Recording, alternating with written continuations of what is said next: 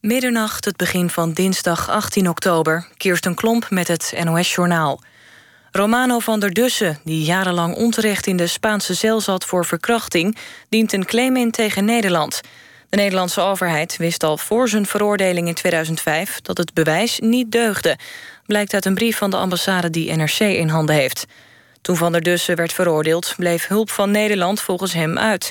Dit jaar kwam hij vrij nadat bleek dat een Britse moordenaar de dader was. Minister Koenders zei eerder dat Van der Dussen altijd goed is bijgestaan. Een van de twee Nederlandse marineschepen die hulp bieden in Haiti... heeft de noordkust van het land niet kunnen bereiken. Het schip kon niet goed bij de zwaar beschadigde stijgers van de haven komen. Ook werd het schip door zoveel mensen opgewacht... dat er een gevaarlijke situatie ontstond. Er is nu met hulporganisaties afgesproken... dat de hulpgoederen met rubberen boten naar de gebieden worden gebracht... die zijn getroffen door orkaan Matthew. Nieuwe kleine energiebedrijven investeren relatief meer in zonne- en windenergie dan de bekende grote concurrenten.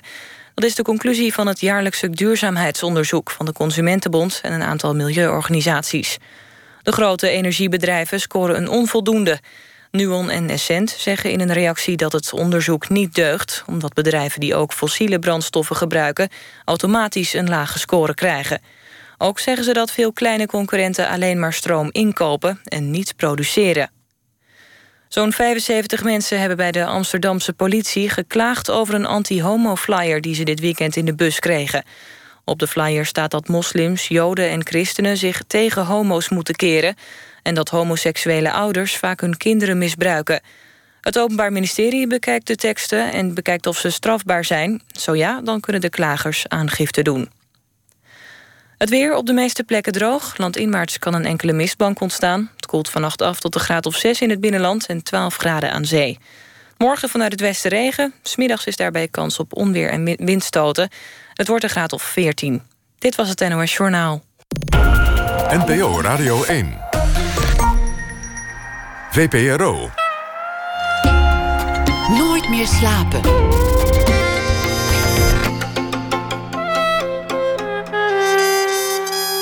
Met Pieter van der Wielen. Goedenacht en welkom bij Nooit meer slapen. Muzikant Paul de Munnik komt op bezoek na één uur om te praten over zijn nieuwe theatershow en album. Hij was lid van een duo, Acta aan de Munnik, en nu is hij alleen. Ninja Weijers maakt deze week elke nacht een verhaal bij de voorbije dag en ze zal zo meteen dat voordragen, ook na ene. Te beginnen met Niels Sjoe Mulman. Sjoe is mijn middelneem, heet een boek dat over hem is geschreven met zijn werken erin. En er is ook een tentoonstelling te zien in Galerie Gabriel Roth in Amsterdam. Ooit begonnen als graffiti-artiest in Amsterdam onder de naam Sjoe. In de jaren 80 was het al, of eigenlijk 1979. Maar tegenwoordig exposeert hij over de hele wereld en zeer regelmatig. En behoren zijn werken tot de vaste collectie van het Stedelijk Museum in Amsterdam en het MoMA in San Francisco. Geboren in 1967, hij omschrijft zijn eigen stijl als abstract vandalism. Ook is hij bedreven in wat hij noemt calligraffiti. Dat is een vermenging van graffiti en calligrafie. En hij heeft inmiddels een uh, tamelijk rijke en interessante loopbaan achter de rug. Niels Mulman, hartelijk welkom. Dankjewel. Laten we beginnen met die, die, die, die eerste aandrang die er is om, om, om iets op een muur te willen kalken. Waar het ooit mee is begonnen. Ja. Wat is dat? Ja, dat, toen vroeg ik me dan daar niks bij af. Maar, toen deed je het gewoon? Nee, toen was het... Uh, maar later ben ik wel gaan denken, waarom deed ik dat eigenlijk?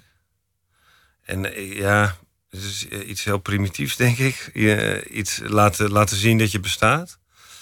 En misschien is het wel... Ja, kan je geboren worden met een drang om te, voor expressie.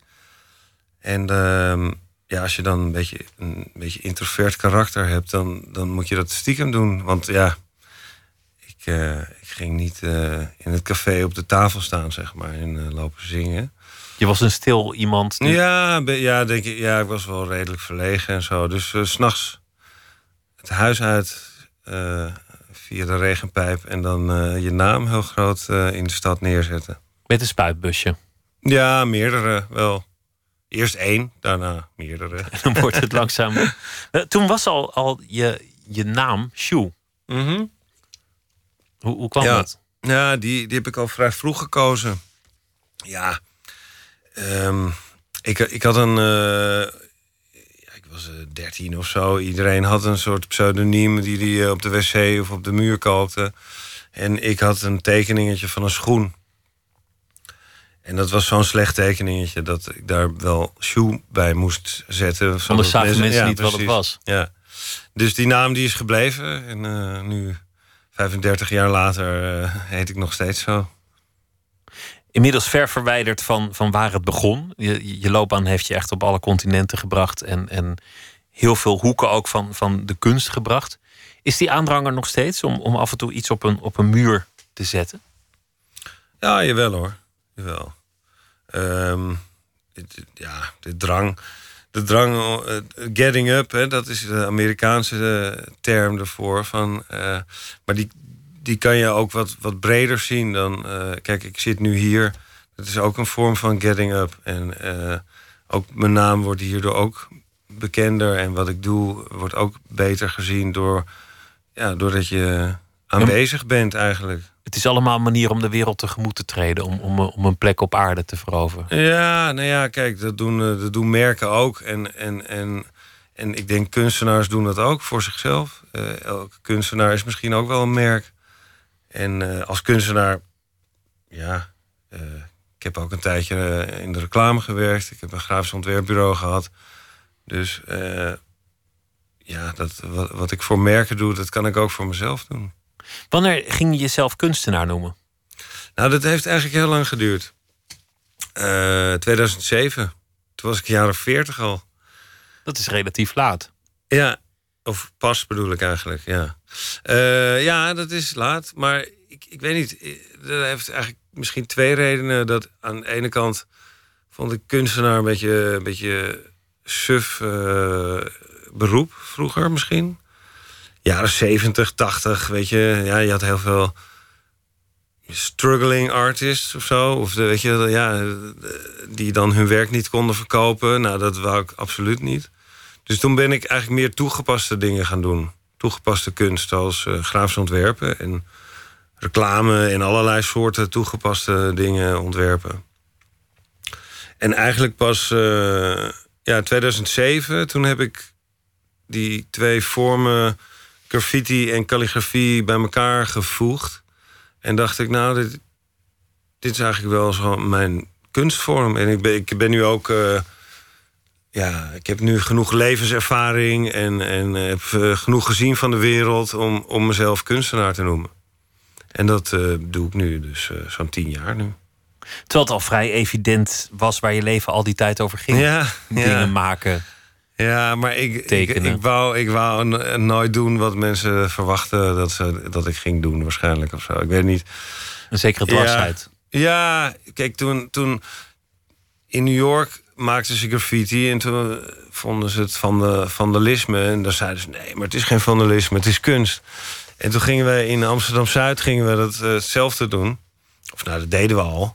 Maar dan gingen we ook wat groter en met kleurrijker en zo doen. En toen zei dus bijna niemand dat het vandalisme was. Iedereen vond het heel mooi.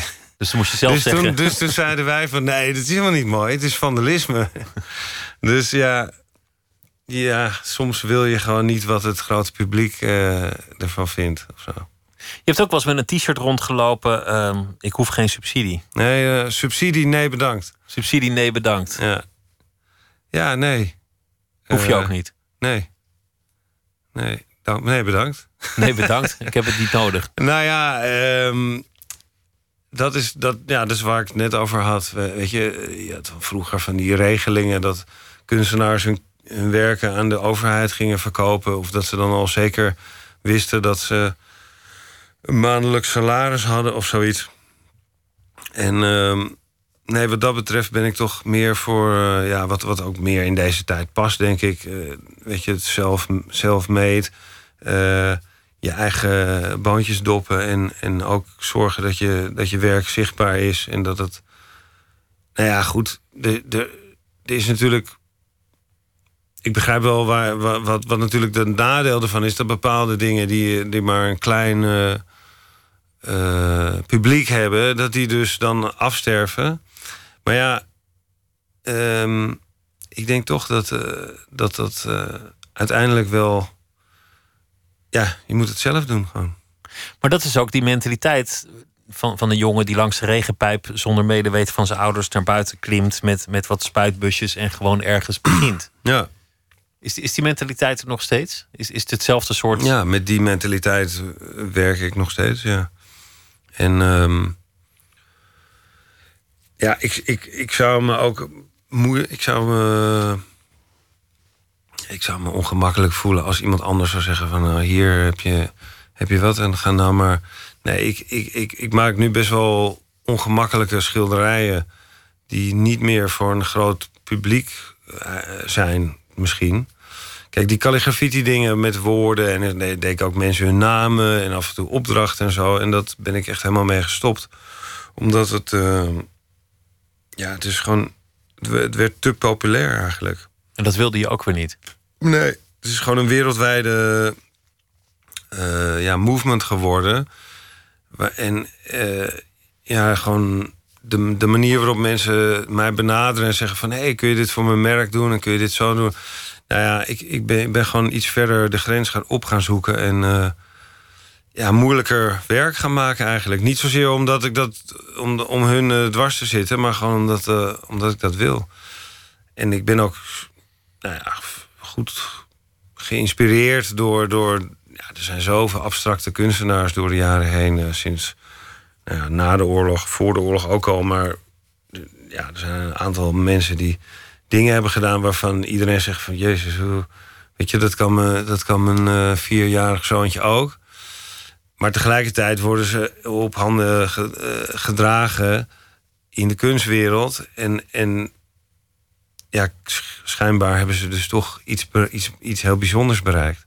Dan, dan doe je op uh, Pollock of zo? Ja, of, of, Pollock of, of Soulage of de Koning. Ja, precies. Dat soort je, je, huidige werk is daar, daar, redelijk aan verwant.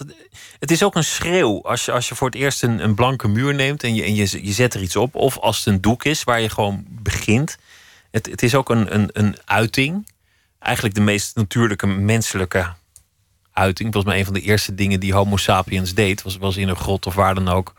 Gewoon iets op de muur kalken. Mm Ja. Zich uiten op, op een visuele manier. Ja. Ja, dat, uh, dat klopt. Dat, en dat is eigenlijk ook gewoon nog steeds wat het is. En um, kijk, je kan, het, je kan het heel vaak doen, of je kan het uh, één keer heel groot doen. En er zijn zo, zoveel manieren om iets te doen, maar um, die, dat primaire, die primaire drang die is nog wel. Maar tegelijkertijd is er ook een, ja, een heel sub, subtiel ding. Weet je? je kijkt heel erg naar voren, je bent heel erg ik, ja, ik ben gewoon heel erg visueel persoon. Dus ik kijk altijd naar ja, uh, planten, bomen, silhouetten van, van bladeren tegen, tegen het zonlicht. En met dat soort dingen. Dat, dat, ja, daar, daar haal ik mijn inspiratie uit, zeg maar.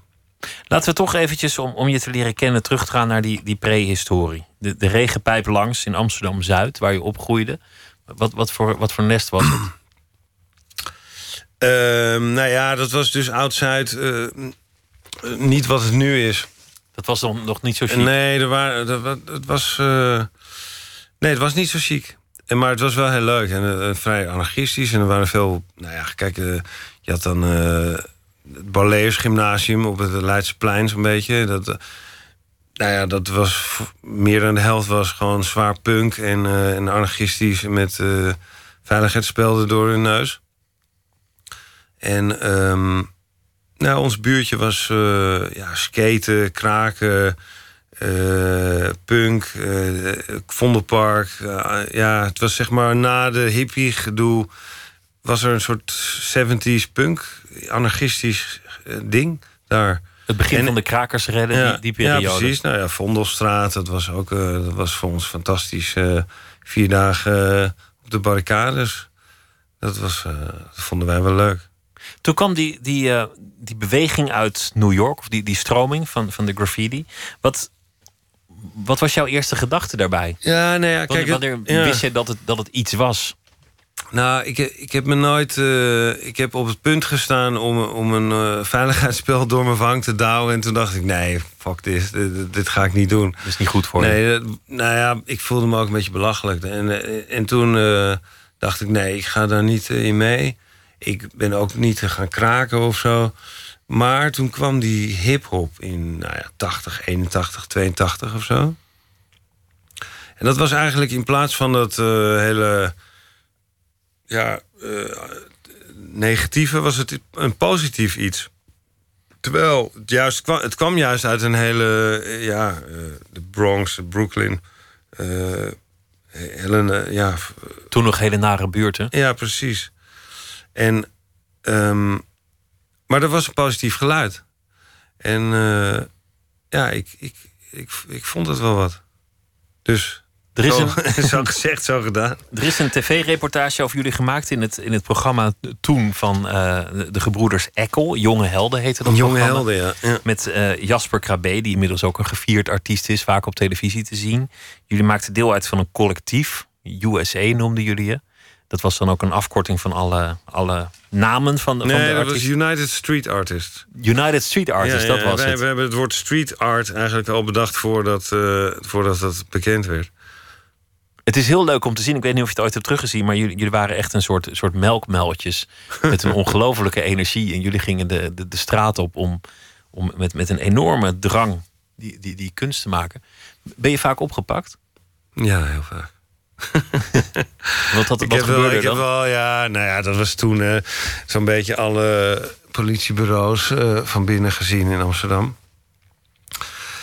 Eh, ja, weet je, toen kreeg je een boete of je moest een paar uur zitten en eh, het was allemaal niet zo erg. Nu, als je nu gepakt wordt voor, eh, voor een treinspuiten, dan ga je gewoon de bak in of dan gaan ze huiszoekingen doen en dat soort dingen. Het is wat strenger Dus, geworden. dat, dat, ja. ja. dus, dus toen was het allemaal nog wat, eh, wat makkelijker.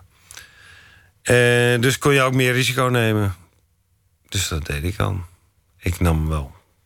Ja, Wat- redelijk veel risico. Risico's in prominente Nee, plekken. ja, of een- ja, gewoon, ja. Eh, gewoon doen, weet je. Bij twijfel doen. Dus Bij twijfel inhalen. Dus, ja. Maar dat is, ja... Als ik nu, als ik nu aan het schilderen ben en ik denk... shit, zal ik dat nou wel doen? Ja, dan, dan doe ik het. Dan heb ik eigenlijk al besloten om het te doen. Die, die, diezelfde sfeer moet erin zitten van, Mhm. van risico, snelheid. Ja, En, en, en er is een anekdote dat je, dat je nooit meer Duitsland in mag. ja, ja. Ooit daar- gepakt in München. Drie weken in de bak gezeten daar. Voor treinen spuiten. Het contrast is zo, zo wonderlijk om, omdat, het, om- omdat je nu een gevierd artiest bent. Omdat je in, door, door grote galeries wordt vertegenwoordigd in, in alle hoeken van de wereld, op alle continenten. Dat je tot de permanente collectie behoort van een aantal musea. Dat je, dat je een aantal curatoren hebt die met, met lof over je schrijven. Dat er, dat er boeken over je worden gemaakt. Terwijl ooit mensen dachten: Godsamme, er heeft iemand op mijn luik staan klodderen. Ja, maar ik heb het altijd wel. Ik dacht altijd wel van het, het gaat wel ergens heen. En of het, dat het precies hierheen ging, dat wist ik misschien niet. Maar ja, ik weet niet. Ik heb gewoon in mijn leven een paar keer van die, van die momenten gehad dat ik dacht: oh ja, nu gaan we even, even een grote stap maken of zo. Of eh, ja, ik weet niet precies hoe ik dat moet uitleggen, maar Dat je verder ja, moest. dat ik gewoon weer verder moest. En eh, ja, ja, dan ging ik weer. Dan was ik weer. eh, toch een paar jaar. Bijvoorbeeld bij, bij Anton Beke, bekende uh, graafs ontwerper, heb ik er gewerkt. Nou, op een gegeven moment had- dacht ik, nou nu heb ik heel veel geleerd. En nu ga ik weer, nu ga ik weer zelf wat doen. Ben ik zelf een bureau begonnen. Of in de reclame werkte ik. Ook eh, tweeënhalf jaar gedaan. En dan heel veel geleerd ook.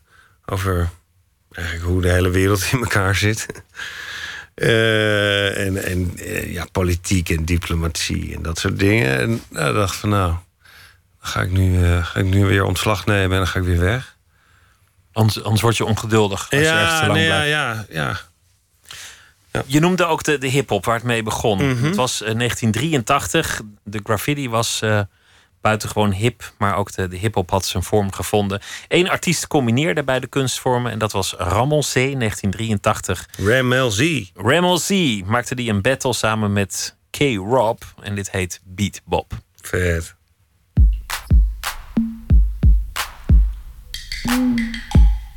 Get funky in the. Get funky place. This pathetic dope addicts have to be abused. It's the same what a thing to be a prostitute. Life is given to us just to do the right thing. Instead of that, we came a whole wall with big dope fiend. Make you feel real bad every time I see another bum or a brother sleeping on the street.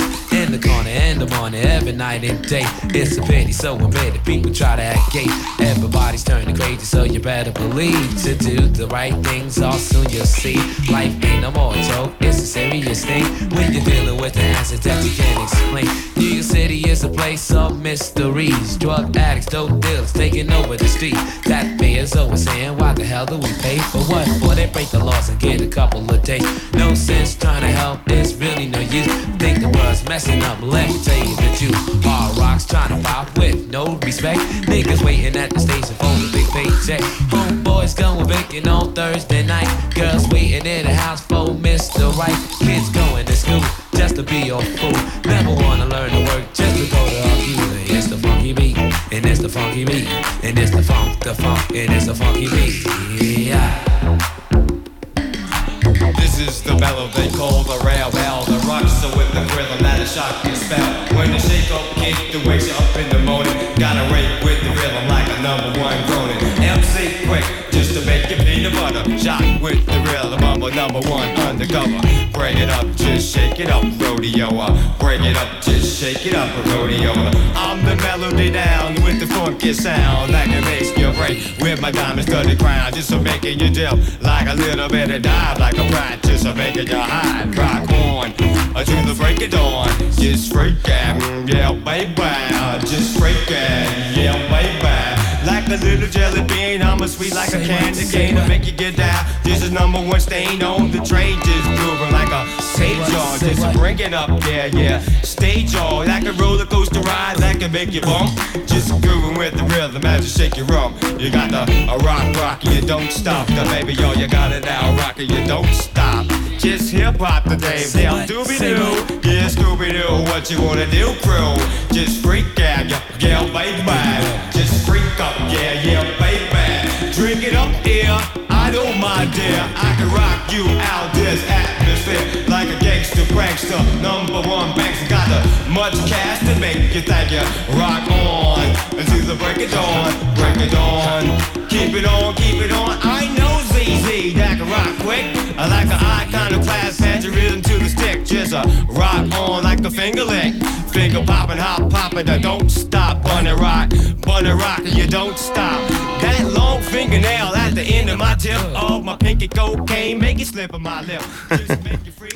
1983 Ramel C met K-Rob en het nummer heette Beat Bob. En de hoes van het singeltje was getekend door Jean-Michel Basquiat. Ook een uh, man uit die hoek die later een, zeer beroemd kunstenaar werd. Een van de duurst verkochte kunstenaars uh, van dit moment. Ja. Hij leeft niet meer. In musea zeer, uh, zeer nagejaagd. En hier tegenover mij zit Niels Mulman, die ook uit die hoek komt en ook inmiddels een succesvol kunstenaar is. Die, dat is eigenlijk een rare ontwikkeling. Hè? Dat, dat Keith Haring, Basquiat en, en nu weer Banksy, dat, dat mensen die ooit begonnen op de muren zo worden nagejaagd door de, door de kunstwereld en zo op een voetstuk zijn uh, terechtgekomen. Wat, wat vind je daarvan? Nou, ik vind het helemaal niet zo raar eigenlijk. het is. Uh, ik denk dat, dat nu. Ja, gewoon. Uh, kunstenaars die nu iets. dus, of schilders, laten we daarbij houden.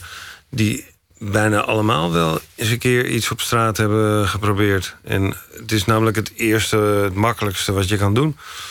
Van pak een pot verf, een paar spuitbussen en gaat uh, een muur, muur pakken. En misschien was het uh, ja, 50 jaar geleden minder, minder gewoon. Nu is dat de normaalste zaak van, van de wereld. Nou ja, het wordt, je zet iets op de muur en het is de volgende dag weg meestal. De, de gemeentes hebben inmiddels wel aardig door hoe je dat verwijdert. Ja. ja, maar je hebt dan wel meteen een publiek natuurlijk, hè? Als je het thuis doet, dan uh, ziet niemand het. Ook al is het maar voor één dag. Van Banksy is nu in Nederland een grote tentoonstelling uh, te zien. Zijn, mm -hmm. zijn, zijn, zijn, er hangt altijd een soort mysterie om, uh, om zijn werk heen en om, om de hele verschijning. Heb je die gezien? Wat vond je ervan? Nee, ik heb niet gezien, nee. Ik ga ook niet vertellen wie Banksy is. Weet je het? Ja, ja. Maar wat, wat vind je ervan dat zo iemand ineens zo ontzettend eh, op een voetstuk terechtkomt? Want het is toch iemand die verwant is aan jouzelf. Nou ja, uh, het is gewoon heel goed werk wat hij maakt. Ze wel, ja, het is heel anders dan wat ik doe.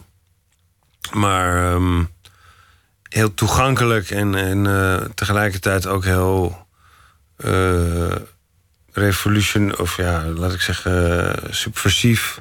Politiek ook Politiek geëngageerd werk.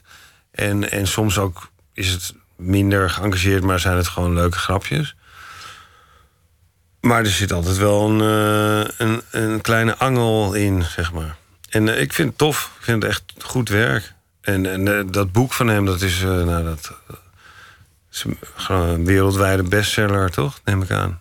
Maar dat is toch, toch raar dat, dat iets dat, dat tegendraads is uit een soort anticultuur, van, van de straatcultuur, dat dat door uiteindelijk ook de commercie en het geld uh, wordt opgeraapt. Mm, maar dat is, nu, dat is tegenwoordig toch heel normaal. Of normaal, dat, ik vind het helemaal niet zo raar. Je, als, je, als je iets maakt, wat, wat het ook is, je, dan wil je dat zoveel mogelijk mensen het zien. En, en als je iets maakt waar je, en je wil mensen laten nadenken, ja, dan ga je dat niet uh, voor de elite houden. Of voor of het nou de, de, de galerie-elite is of de, de graffiti-elite. Dat je, je gaat niet dan zeggen: nee, dat is alleen maar voor mijn vrienden. Nee, zo, hoe meer mensen het zien, hoe beter. Dat is volgens mij voor elke kunstenaar. Uh, Daar doe je het uiteindelijk voor. En, en, en, of ze nou naar de galerie nou komen of in een museum. Ja, of ze het snappen, dat is dan weer een ander natuurlijk.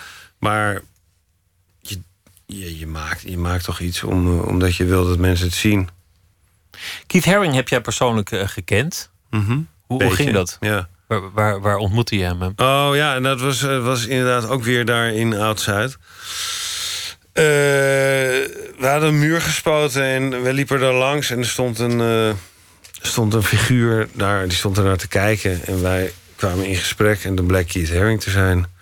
En toen, uh, ja, kennelijk wou hij even, even weg bij de museummensen van het Stedelijk Museum.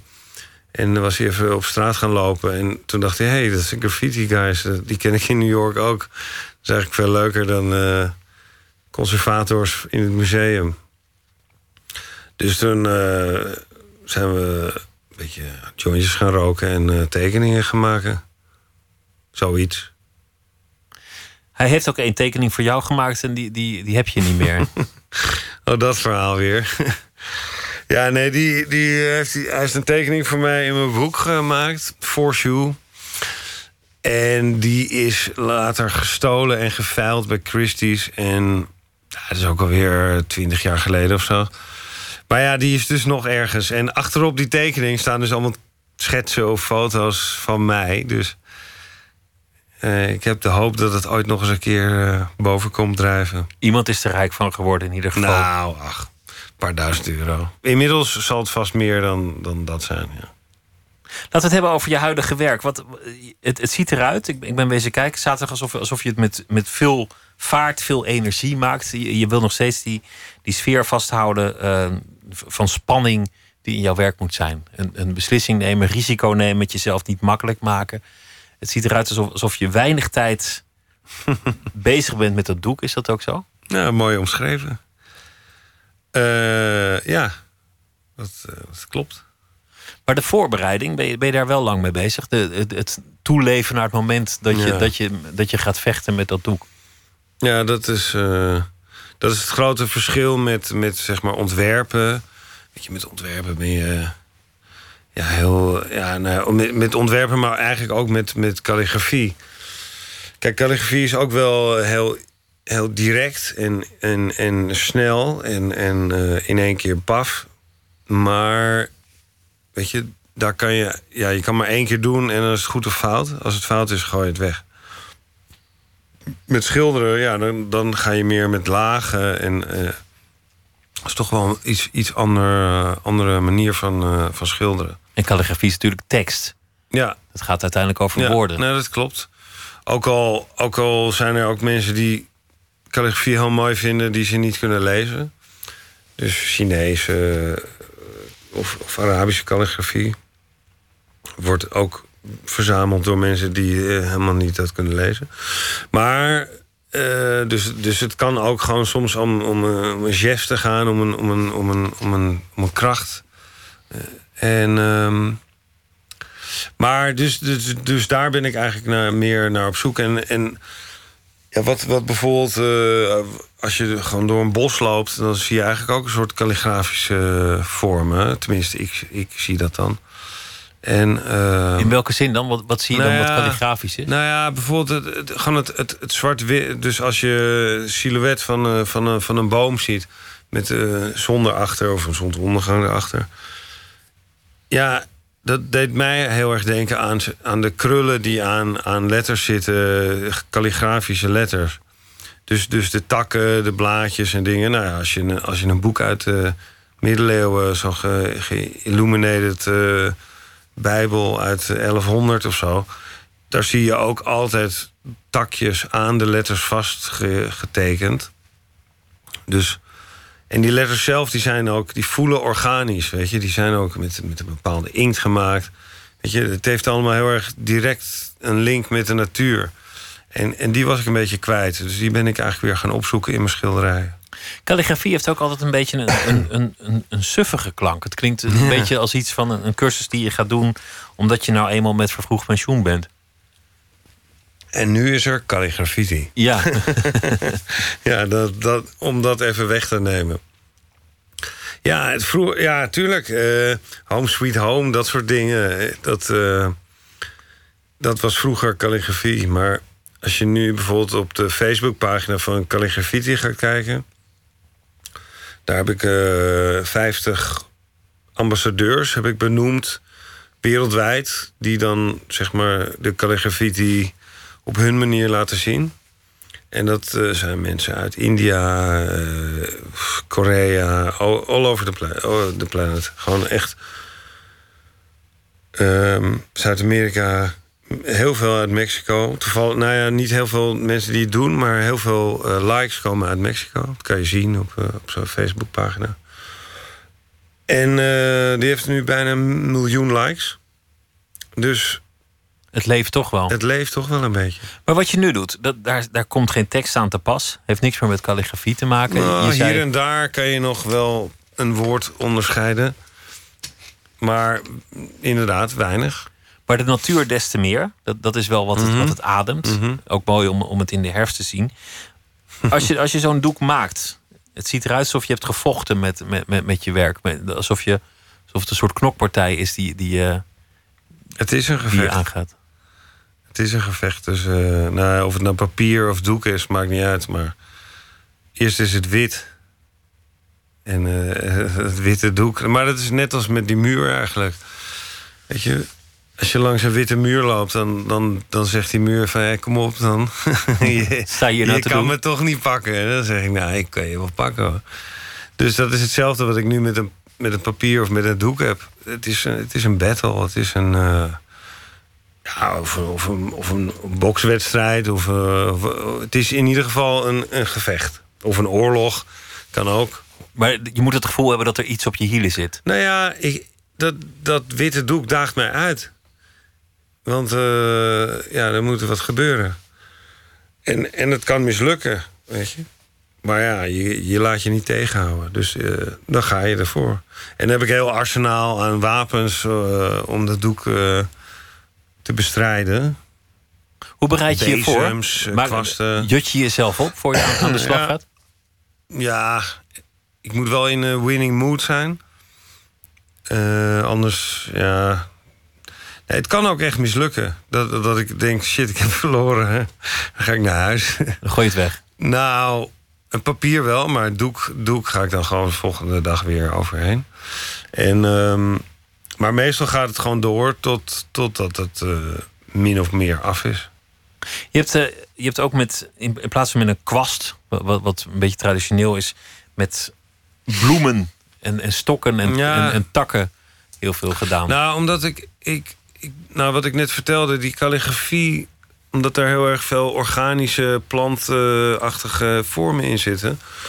Dacht ik van nou, dan ga ik daar wat meer in, mee in verdiepen. Dus toen heb ik heel even, een paar maanden, ben ik dat gaan naschilderen. En dat, dat paste eigenlijk niet zo goed bij mij. Omdat het, omdat het meer eh, iets namaken is. Weet je, het is meer artificial. En ik wil juist dat het direct, dat dat het niet nep overkomt. En ehm, dus dan dacht ik, nou weet je, dan heb ik al vaker gedaan, eh, ook eh, jaren geleden. Gewoon een stuk, eh, je kan ook schilderen met een takje. Weet je, je, hoeft niet, je kan overal maar schilderen eigenlijk. Met, die, met deze koptelefoon, als ik die in de verf doop, dan is het ook, kan ik er ook mee schilderen. Maar het is er niet voor ontworpen. Nee, maar daarom is het juist misschien anders of beter. Of, nou ja, goed. eh, Yves Klein die, die deed het ook al met eh, heel veel schilders. eh, bijvoorbeeld een vrouw in de verf dopen en tegen een Tegen- doek aanzetten. Nou, dat is een prachtige vorm. Of een kreeft in de rode verf en dan op een, op een papier. Ik weet niet precies wie dat gedaan heeft, maar dat, dat kun je bij de IKEA kopen volgens mij. Ehm, anyway, toen ging ik dus met, die, eh, met, met blaadjes of met, met takken eh, schilderen. En dat was wel goed effect.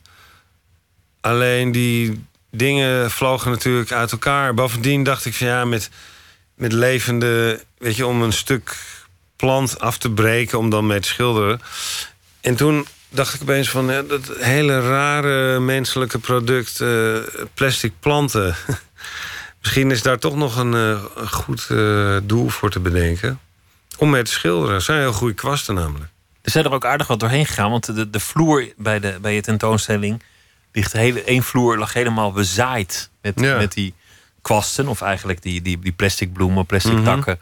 Alles wat je hebt gebruikt. De, nou, Ja. nou, hoeveel slagen gooi je hem weg? Nou, het, het- ik- de, de, achter, de, kleuren, de kleuren die ik gebruik zijn meestal eh, een beetje meer achtergrond. En dan met zwart doe ik dan die, die planten. En ehm, dus ze zijn bijna allemaal zwart geworden. We waren allemaal, of- het nou bloemen of planten, waren een beetje gekleurd, gekleurd. Maar nu dus zwart. En die waren weer eigenlijk precies hetzelfde als die foto's die ik maakte van die eh, silhouetten van bomen met die eh, lucht erachter.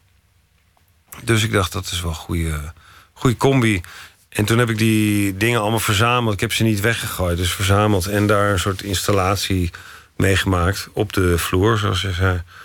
Ehm, En dan is het af en, en, dan, en dan sta je voor dat doek. En dan heb je dat gevecht geleverd. mhm.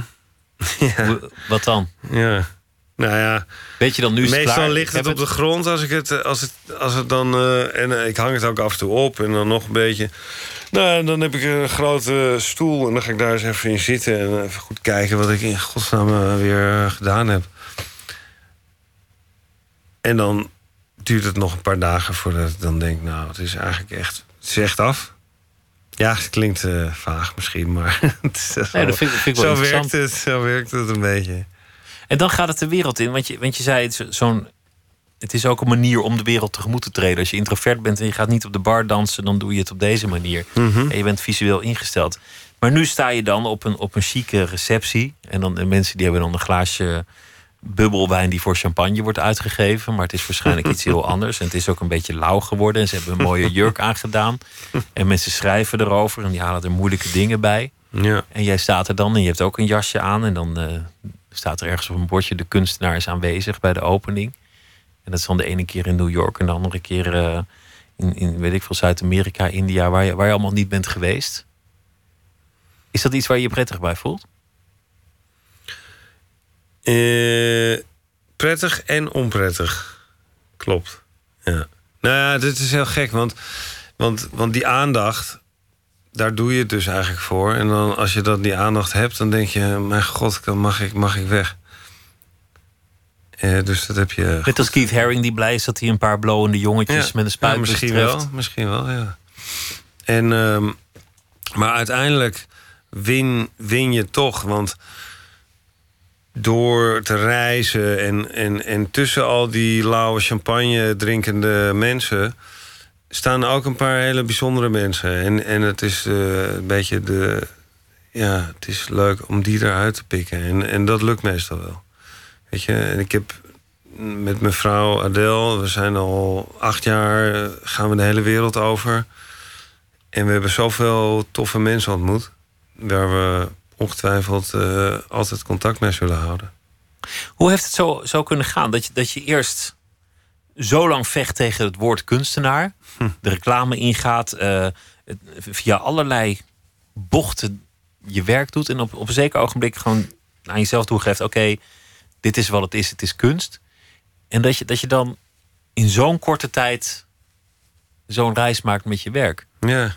Is, is dat dan dat je omarmd bent door een galeriehouder? Of hoe, hoe is dat gegaan? Mm, Nee, dat is. Dat is eh, Ja, dat zijn een heleboel factoren, denk ik, bij elkaar. Inderdaad, ja, ik kom net een goede eh, tegen in San Francisco. Ik heb ik drie solo's gedaan met, met een goede galerie... die oh, oh, trouwens nu niet meer bestaat, maar goed. eh, ja, en, en, en via via heb je dan die ontmoet. En, en ook, ik denk dat ik veel credit heb, heb opgebouwd... door gewoon een van de eerste in Europa te zijn... die, ja, die gewoon eh ja, rukzichtloos gewoon heel veel, heel veel damage heeft gedaan ook. Want dat is natuurlijk toch ook wel eh, ja, waar het om gaat. Wat bedoel je met damage? Nou ja, kijk, eh, je, hebt, je hebt natuurlijk van die street art kunstenaars... die ja, gewoon een beetje soft zijn en die... eh, die, dingen, die, die zijn gewoon begonnen met graffiti of op straat. Die gaan dan op straten wat dingen plakken. Met het idee van ik word wereldberoemd kunstenaar. Nou ja, met dat idee ben ik nooit de straat op gegaan, weet je. Eh, dus dat is een heel ander, andere tijd, andere, andere impuls misschien. En ik, ik denk dat, eh, dat dat wereldwijd ook wel best wel gerespecteerd wordt. En nou ja, goed, dat ik dan dat, dat calligraffiti opeens bedenk en dat het nu zo groot is. En daar ook weer van wegga, wa- want ik ga weer verder. Ja, misschien eh, dat mensen dat herkennen als, eh, als iets. eh, zo van, nou ja, die, die, die gast die gaat niet. die gaat. ja, die gaat niet. Ja, die gaat gewoon door. Maar het klinkt alsof het niet echt een streven was. Het klinkt niet alsof, alsof, je, alsof je hebt zitten schaken van als ik nu dit doe en dan dat en dan Nee, kom ik bij die nee, terecht. nee, het was alsof daar een plan achter Het zat. is totaal impulsief allemaal.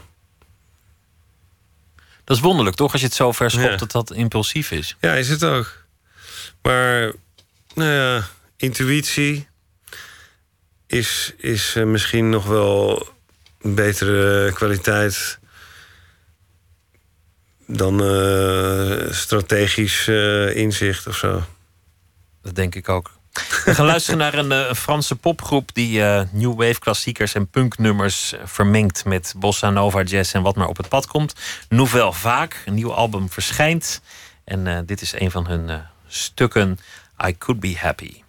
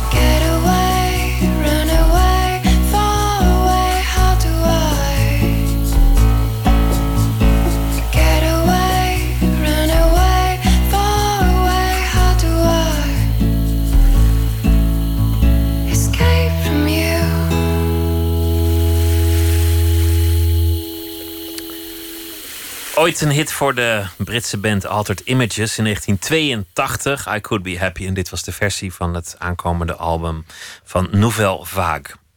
Niels Sjoe Mulman zit tegenover me en we hebben het gehad over eh, het boek dat is verschenen. Sjoe is Middle Name, een boek dat, dat ook mooi is vormgegeven. En we hebben het gehad over de expositie bij uh, Gabriel Rolt. En we hebben het ook gehad over uh, de, het graffiti verleden, waar waar je vandaan komt en hoe je langzaam de kunst in bent gerold via de, de reclame. Wat, wat deed je eigenlijk bij de reclame? Bedacht je slogans of... of Nee, art, art director, weet je. je hebt dan vormgeving? Zo... Nee, nee. Je hebt, in de reclame heb je een copywriter en een art director. En die zitten met z'n tweeën met hun voeten op tafel.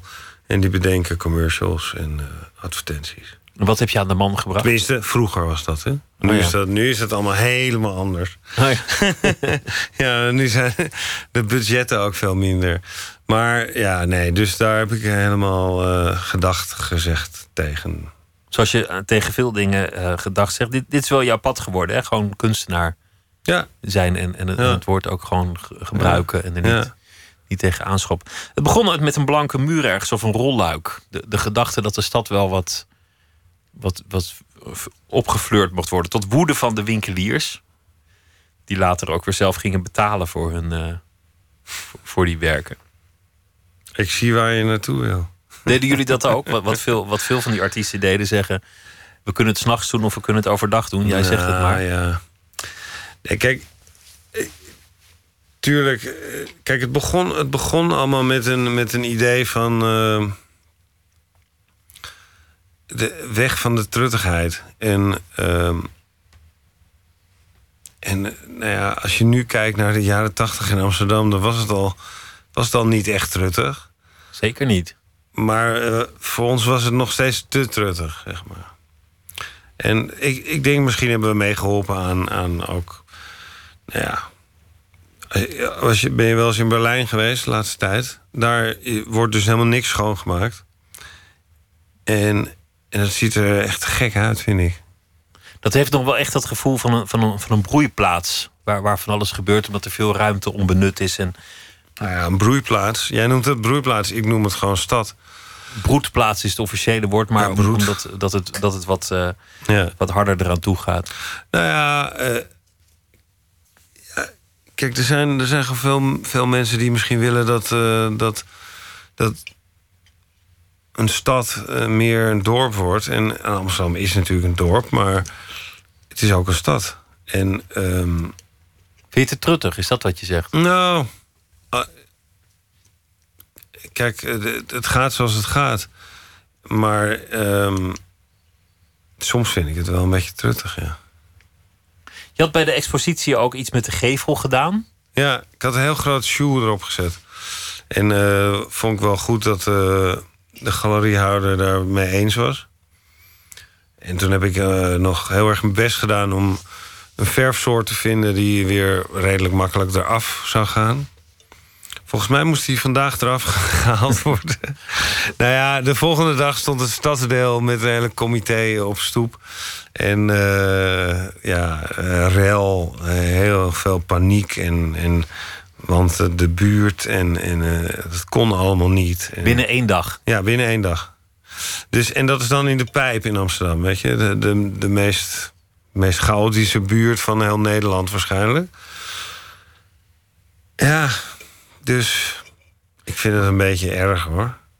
Alles is wat aangeharkter, wat schoner. Ik, ik moet ook zeggen, die, die jaren 80 en, en 90, het was ook allemaal wel veel negatiever.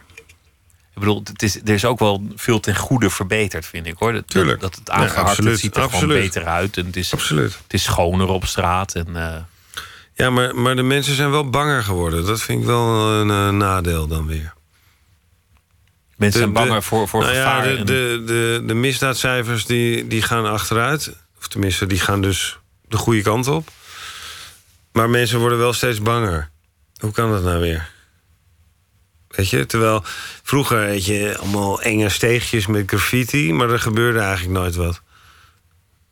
Of tenminste, misschien gebeurde er wel wat, maar ja. Anyway, ik, ik, daar weet ik eigenlijk te weinig van. Dat, dat is politiek, daar bemoei ik me niet mee. Nou ja, ik vind, ik vind het toch wel interessant, omdat dat er een bepaalde ideologie altijd werd toegedicht aan de graffiti-artiesten. Zijn er nog plekken waar, waar je jezelf ziet in de stad? Zijn er nog muren en, en, en rolluiken en uh, viaducten waar, waar jouw werken hangen? Nee, weinig. Nee. Nee, nee bijna niet. Nee, en uh, nee, het wordt gewoon uh, allemaal heel netjes aangeharkt, uh, zoals je zegt. Dus ja. Het heeft iets gebracht en, en, en dat zie je wel vaker in, in, in creativiteit. Het, het kwam helemaal van buiten, er, er, werd, er werd op gemopperd, maar het heeft toch een soort impuls gehad die je nu ook in de kunstwereld heel erg terugziet. Heel veel vernieuwingen die zijn daar vandaan gekomen. Waarschijnlijk juist omdat het buiten het, het legitieme circuit plaatsvond. Ja, nou ja, misschien, misschien zijn er nu. Ja, dat weet ik. Weet je, kijk, als je nu 13, 14 bent en je wil uh, iets doen, dan ga je waarschijnlijk uh, in je computer dat doen of zo. Of ik weet ik niet. Maar toen ik zo oud was, dan ging je spuitbussen jatten en, en muren spuiten. Het is waar je vandaan bent gekomen, maar ik merk ook als ik naar vraag dat, dat, dat het eigenlijk ook wel achter je ligt. Ja, dat je ook wel denkt van ja, hou er maar over op, je wat zo wat. Nou ja, het is, het is een verhaal. En dat, dat is ook het verhaal wat in het boek uh, vertel, wat ik vertel. Ik heb het boek zelf vormgegeven. Het is uh, 300 pagina's. Uh, heel veel foto's van, van Adele Renault. en ja, er zit gewoon heel veel ik probeer gewoon ook een beetje uit te leggen waarom ik zo abstract schilder als ik nu schilder. Want um, ik begrijp ook wel dat mensen soms niet meteen begrijpen wat het nou allemaal. Wat is het nou allemaal voor, voor uh, wild, uh, wild verf gesmijt. Maar dat wil ik dus. Ja, dat, dat komt ergens vandaan. en het komt van die graffiti en alles wat ertussen zit. Het wonderlijke is ook wel dat, dat waar graffiti iets heel um, intuïtiefs was, of iets heel primitiefs bijna, dat je werk steeds abstracter en dus ook een beetje intellectueler wordt. Ja, ik heb er zelfs. Er staan zelfs gedichten in het boek van mijn hand. Dus, dus, dus je komt helemaal uit aan die, aan die andere kant van het spectrum. Ja. Eerst, eerst een soort bijna anti-intellectueel. Ja. Een kreet. En dan nu juist bij, bij een verhaal en een filosofie en, en gedichten komen. Ja, maar dat is dus net als met uh, ja, naar buiten via de regenpijp en je naam schrijven. Ja, als ik denk van ik wil een gedicht schrijven, dan ga ik een gedicht schrijven. Gewoon doen. maar het contrast is interessant, vind ik. Ja, natuurlijk. Maar ja. Zit, er, zit er ook tegendraadsheid in? Is dat, is dat ook een soort dwarsheid? Dat je, dat je nu ineens denkt, ik, ik, ik ga juist dat intellectuele opzoeken? Nou, nee, dat is, dat is uh, net als wat ik net zei. Dat is geen, uh, geen strategie van een generaal. Dat is gewoon puur intuïtief. Als je nu terugkijkt, waar, waar, waar gaat jouw leven over? Wat, wat is de, de kern hmm. van jouw bestaan? Pff, zo. um, tja, dat is wel even een, uh, even een lastige. Kijk, aan de ene kant wil ik, wil ik zeggen van ik ben er en dit kan ik. Look ma, I, I, look what I did, weet je, zoiets. Hier ben ik, ja. ja? En aan de andere kant um, ben ik ook een slaaf van mijn eigen ideeën. Weet je, uh, soms zet ik mezelf uit. Dan ga ik gewoon een paar uur tv kijken en van een domme serie of zo. Maar dan toch is er net even een scène in die serie dat ik denk: hé. Hey. En, dan, dan, dan, en dan komt er een idee en dan moet ik, moet ik daar wat mee. Dus dan ga ik daar iets mee doen. Dan schrijf ik het op, maak even een notitie. Of denk ik opeens aan een woord. Of een... Dat is een soort onrust. Iets, iets nou ja, dat ja, dat is. Uh, het is niet, niet onprettig, maar het is gewoon een feit. Dat, dat, dat, er, dat er altijd wel een bepaald idee uh, naar boven komt. En dat ik dan denk, nou, het is wel een heel goed idee. Moet, ik, moet ik eigenlijk wel gaan uit, uitwerken. En dan ga ik dat doen. En dan heb ik soms heel veel plezier. soms heel veel frustratie. Maar uiteindelijk, als het dan dat ding er is, een doek of, uh, of misschien wel dat hele boek, is misschien ook wel zo'n idee geweest. Van shit, fuck, ik moet een boek gaan maken. Maar kijk je wel eens terug? Dan heb je wel een soort gedachte van een, van een oeuvre? Of een verdienste? Ja, jawel. Ik probeer wel, ik probeer wel alle dingen in elkaar te schuiven. Weet je, de. de ja, dus, er zijn allerlei dingen die. die, die blij, of tenminste, die, die ogenschijnlijk niks met elkaar te maken hebben. Maar het feit dat ik honkbal speel, heeft weer te maken met dat ik verf gooi.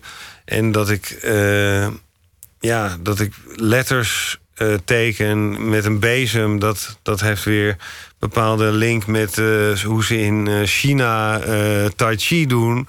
En dus, dus weet je, er zijn gewoon heel veel dingen die allemaal connected zijn. En dat als je dat boek, als je even de tijd neemt en het boek doorbladert, je hoeft niet alles te lezen, maar dan, ik denk dat je dan ongeveer voelt wat, wat ik bedoel. En waar je bestaan over ging en, en waar, waar, je, waar je leven over gaat en ja. wat de essentie van jouw werk is. Precies. Je werkt in, in alle hoeken van de wereld. Wat gaat er de komende tijd gebeuren? Want je hebt nu dit in Amsterdam, maar volgens mij ben je ook alweer met drie andere exposities bezig. Ja, nou, ik vond het wel tof om, om weer gewoon uh, iets, iets groots in, uh, in Amsterdam te doen. En uh, het was dus afgelopen zaterdag. was ja, pff, epic, om het maar even in één woord om te, omschrijven. En, ehm, maar goed, ja, want, want waarom, waarom ik het tof vond om dit in Amsterdam te doen... omdat het meestal in het buitenland is. En um, nou ja, goed, volgend jaar... Uh, in Duitsland, in Woepertaal, heb ik een grote galerie die daar dingen gaat doen. En, ongetwijfeld nog van alles meer. Maar dat kan ik nog niet, is allemaal nog niet vast. Vrij vaak in, in de Verenigde Staten, in, ja. in, in, India kom je ook veel mm -hmm. recentelijk. Delhi. Ja. Wens je heel China. Veel, China. Ja. Wens je heel veel succes en ook, uh, ook heel veel uh, plezier. Dankjewel, okay. Niels Mulman. Leuk dat je, dat je er was. Zometeen gaan we verder met uh, Nooit meer slapen. Ninja Weijers heeft een verhaal bij de voorbije dag. Twitter, het VPRO NMS. We zitten op Facebook en u kunt zich abonneren op de podcast via iTunes... of de website van de VPRO, vpro.nl slash Nooit meer slapen.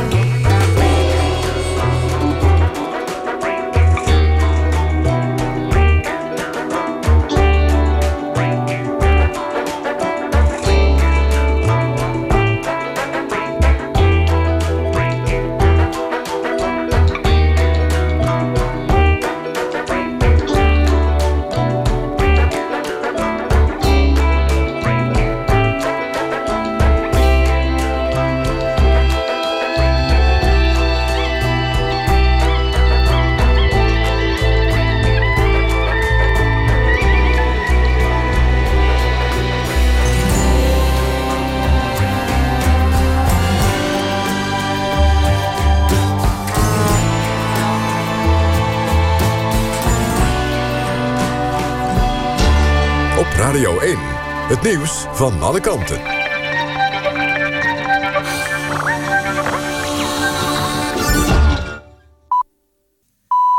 1 uur, Kirsten Klomp met het NOS-journaal. Nieuwe kleine energiebedrijven investeren relatief meer in zonne- en windenergie dan de bekende grote concurrenten. Dat is de conclusie van het jaarlijkse duurzaamheidsonderzoek van de Consumentenbond en een aantal milieuorganisaties. De grote energiebedrijven scoren een onvoldoende. Nuon en Essent zeggen in een reactie dat het onderzoek niet deugt... omdat bedrijven die ook fossiele brandstoffen gebruiken... automatisch een lage score krijgen. Ook zeggen ze dat veel kleine concurrenten alleen maar stroom inkopen... en niet produceren. Romano van der Dussen, die jarenlang onterecht in de Spaanse cel zat voor verkrachting... dient een claim in tegen Nederland... De Nederlandse overheid wist al voor zijn veroordeling in 2005 dat het bewijs niet deugde. Blijkt uit een brief van de ambassade die NRC in handen heeft. Toen Van der Dussen werd veroordeeld bleef hulp van Nederland volgens hem uit. Dit jaar kwam hij vrij nadat bleek dat een Britse moordenaar de dader was. Minister Koenders zei eerder dat Van der Dussen altijd goed is bijgestaan. Van der Dussen klaagt ook Spanje aan. De Britse UKIP-europarlementariër Stephen Wolf stapt uit de partij. Hij kwam in het nieuws toen hij in het ziekenhuis belandde... na een ruzie met een ander fractielid van de anti-Europese partij. Wolf maakt een goede kans om de vertrokken partijleider Nigel Farage op te volgen. Maar volgens Wolf is de partij zonder Farage stuurloos geworden. Hij blijft wel Europarlementariër als onafhankelijk politicus. Zanger Bob Dylan heeft nog altijd geen contact gehad met de Zweedse academie die hem de Nobelprijs voor de literatuur toekende. Een woordvoerder van de academie zegt dat ze het hebben opgegeven om Dylan te bereiken. Het is dan ook onduidelijk of hij op 10 december aanwezig is bij de uitreiking van de prijs.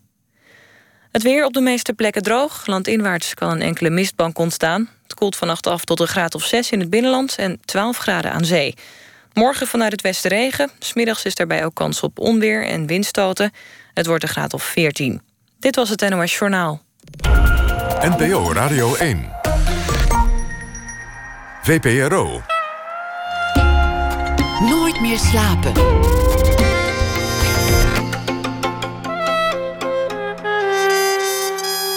Met Pieter van der Wielen.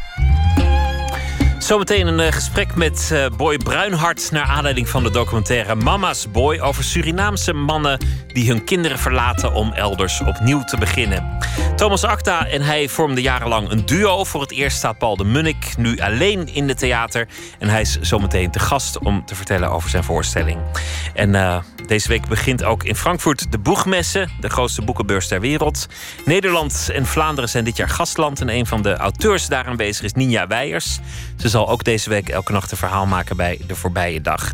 Haar uh, debuutroman heette De Consequenties en is al in vijf landen vertaald. En in Frankfurt zouden er zomaar een paar vertalingen bij kunnen komen. Ninja Weijers, goeienacht. Goeienacht, hallo. Hoe is het daar? Nou, ik ben nog niet daar. Ik ben nog hier. Oh, ik dacht dat je de hele week daar zou zitten, maar... Nee, ik we gaan morgen met een hele afvaardiging. Maar uh, uh, vanavond ben ik nog even gewoon in Amsterdam. En dan daarna is het de hele week um, ja, toch, ja. toch, een beetje de koopman ook zijn, ja. hè? Ja, ja, inderdaad. Ja. Een soort moordend schema. Vertel eens over, de, over de voorbije dag. Want, want je gaat deze week elke nacht een verhaal maken bij de dag die is afgelopen. Ja. Wat, wat ligt achter ons? Wat ligt achter ons? Nou, eigenlijk ligt achter ons een voorbeschouwing van wat er komende week mogelijk gaat gebeuren op de boegmessen. Ga je gang. Mijn uitgever belde me op. Ninja, zei ze. Wat kunnen we voor je betekenen op de boegmessen? Ik wil minstens 30 vertalingen, antwoordde ik. Ik wil dat de Duitsers mijn boek massaal gaan kopen. Ik wil daar de nieuwe Cees Notenboom, Connie Palme en Margriet de Moord tegelijk worden. Ik wil hier ook heel graag heel veel geld mee verdienen. Kunnen jullie dat regelen? Natuurlijk zei ik dit niet. Ik zei, eh. Ik heb in feite geen flauw idee van wat uitgevers en uitgeversmedewerkers eigenlijk zoal doen de hele dag. En dat vind ik heel prettig. Ik lever bijna 90% van de verkoopprijs per boek in, zodat andere mensen en instanties, de uitgever, de drukker, de boekhandelaar, dingen voor mij regelen. Dat is veel om niet te zeggen bijna alles. Daarvoor koop ik mijn naïviteit, mijn je ne sais quoi, mijn speelruimte als kunstenaartje. Maar deze week, deze komende week, moet ik iets representeren. Samen met een grote hoeveelheid andere schrijvers word ik geacht de Nederlandse literatuur te vertegenwoordigen. Of eigenlijk een specifiek segment daarvan begreep ik toen, ik een, toen een televisieprogramma me vroeg om een interviewtje als, ik citeer, jonge veelbelovende schrijver die op het punt staat de Duitse markt te veroveren. Ineens zag ik mezelf als ridder te paard, een lans in mijn hand klaar om die hele Duitse markt eens flink te doorboren. Plotseling voelde ik me alert, fris, ready to go. Eh, zei ik tegen mijn uitgeefster. Ik schraapte mijn keel. Nou ja, jeetje, ik weet het niet precies. Wat denken jullie dat jullie misschien kunnen doen? Daar ging ik, ridder van de Nederlandse literatuur... in een sukkeldrafje drafje op weg om Duitsland helemaal kapot te veroveren. Onderweg naar Frankfurt, klaar om de Duitse boekenmarkt te veroveren. Wat een, wat een mooie zinsnede. Ben je, al, ben je al vertaald in het Duits eigenlijk? Of, of uh, in welke talen is je boek wel vertaald? Uh, ja, ja het, uh, de Duitse vertaling is eigenlijk net in de winkel, dus dat komt heel mooi uit. er is ook daadwerkelijk een boek, dus daar, daar kan ik dan uit voorlezen en zo. In het Duits. Want jouw Duits is ook heel goed, of, of lees je het gewoon goed voor? Nee, ik, laat ik het zo zeggen. Mijn Duits is zeer, zeer gemiddeld. Maar ik doe mijn uiterste best om mezelf verstaanbaar te maken. En dat schijnen die Duitsers dan ook nog wel eh, te waarderen. Dat je het in ieder geval probeert. Dus dat, ik, ik sla me daar doorheen, elke keer. Toch is het mooi dat, dat Nederland daar uh, ja, het gastland nee, dat is. is. geweldig. Ja, en, dat is zo. en er hoeft maar eentje ertussen te zitten die inderdaad ineens een bestseller in het buitenland heeft. In, in, in Frankrijk, Engeland of, eh, of Duitsland. Dat zijn toch grotere markten. Dat is toch interessant. Ja, zeker. zeker. Veel Ja. plezier. Nou, morgen vroeg op en een goede reis. En graag weer tot morgen. Ninja Alright. Beijers, dankjewel. Dag.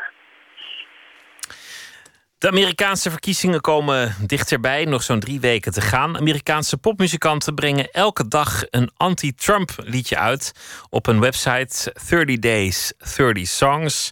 Het is een idee van eh, schrijver Dave Eggers. En het zijn grote artiesten die meedoen, van R.E.M. tot Frans Ferdinand. En ook Amy Mann heeft meegedaan. En haar anti-Trump liedje heet Can't You Tell.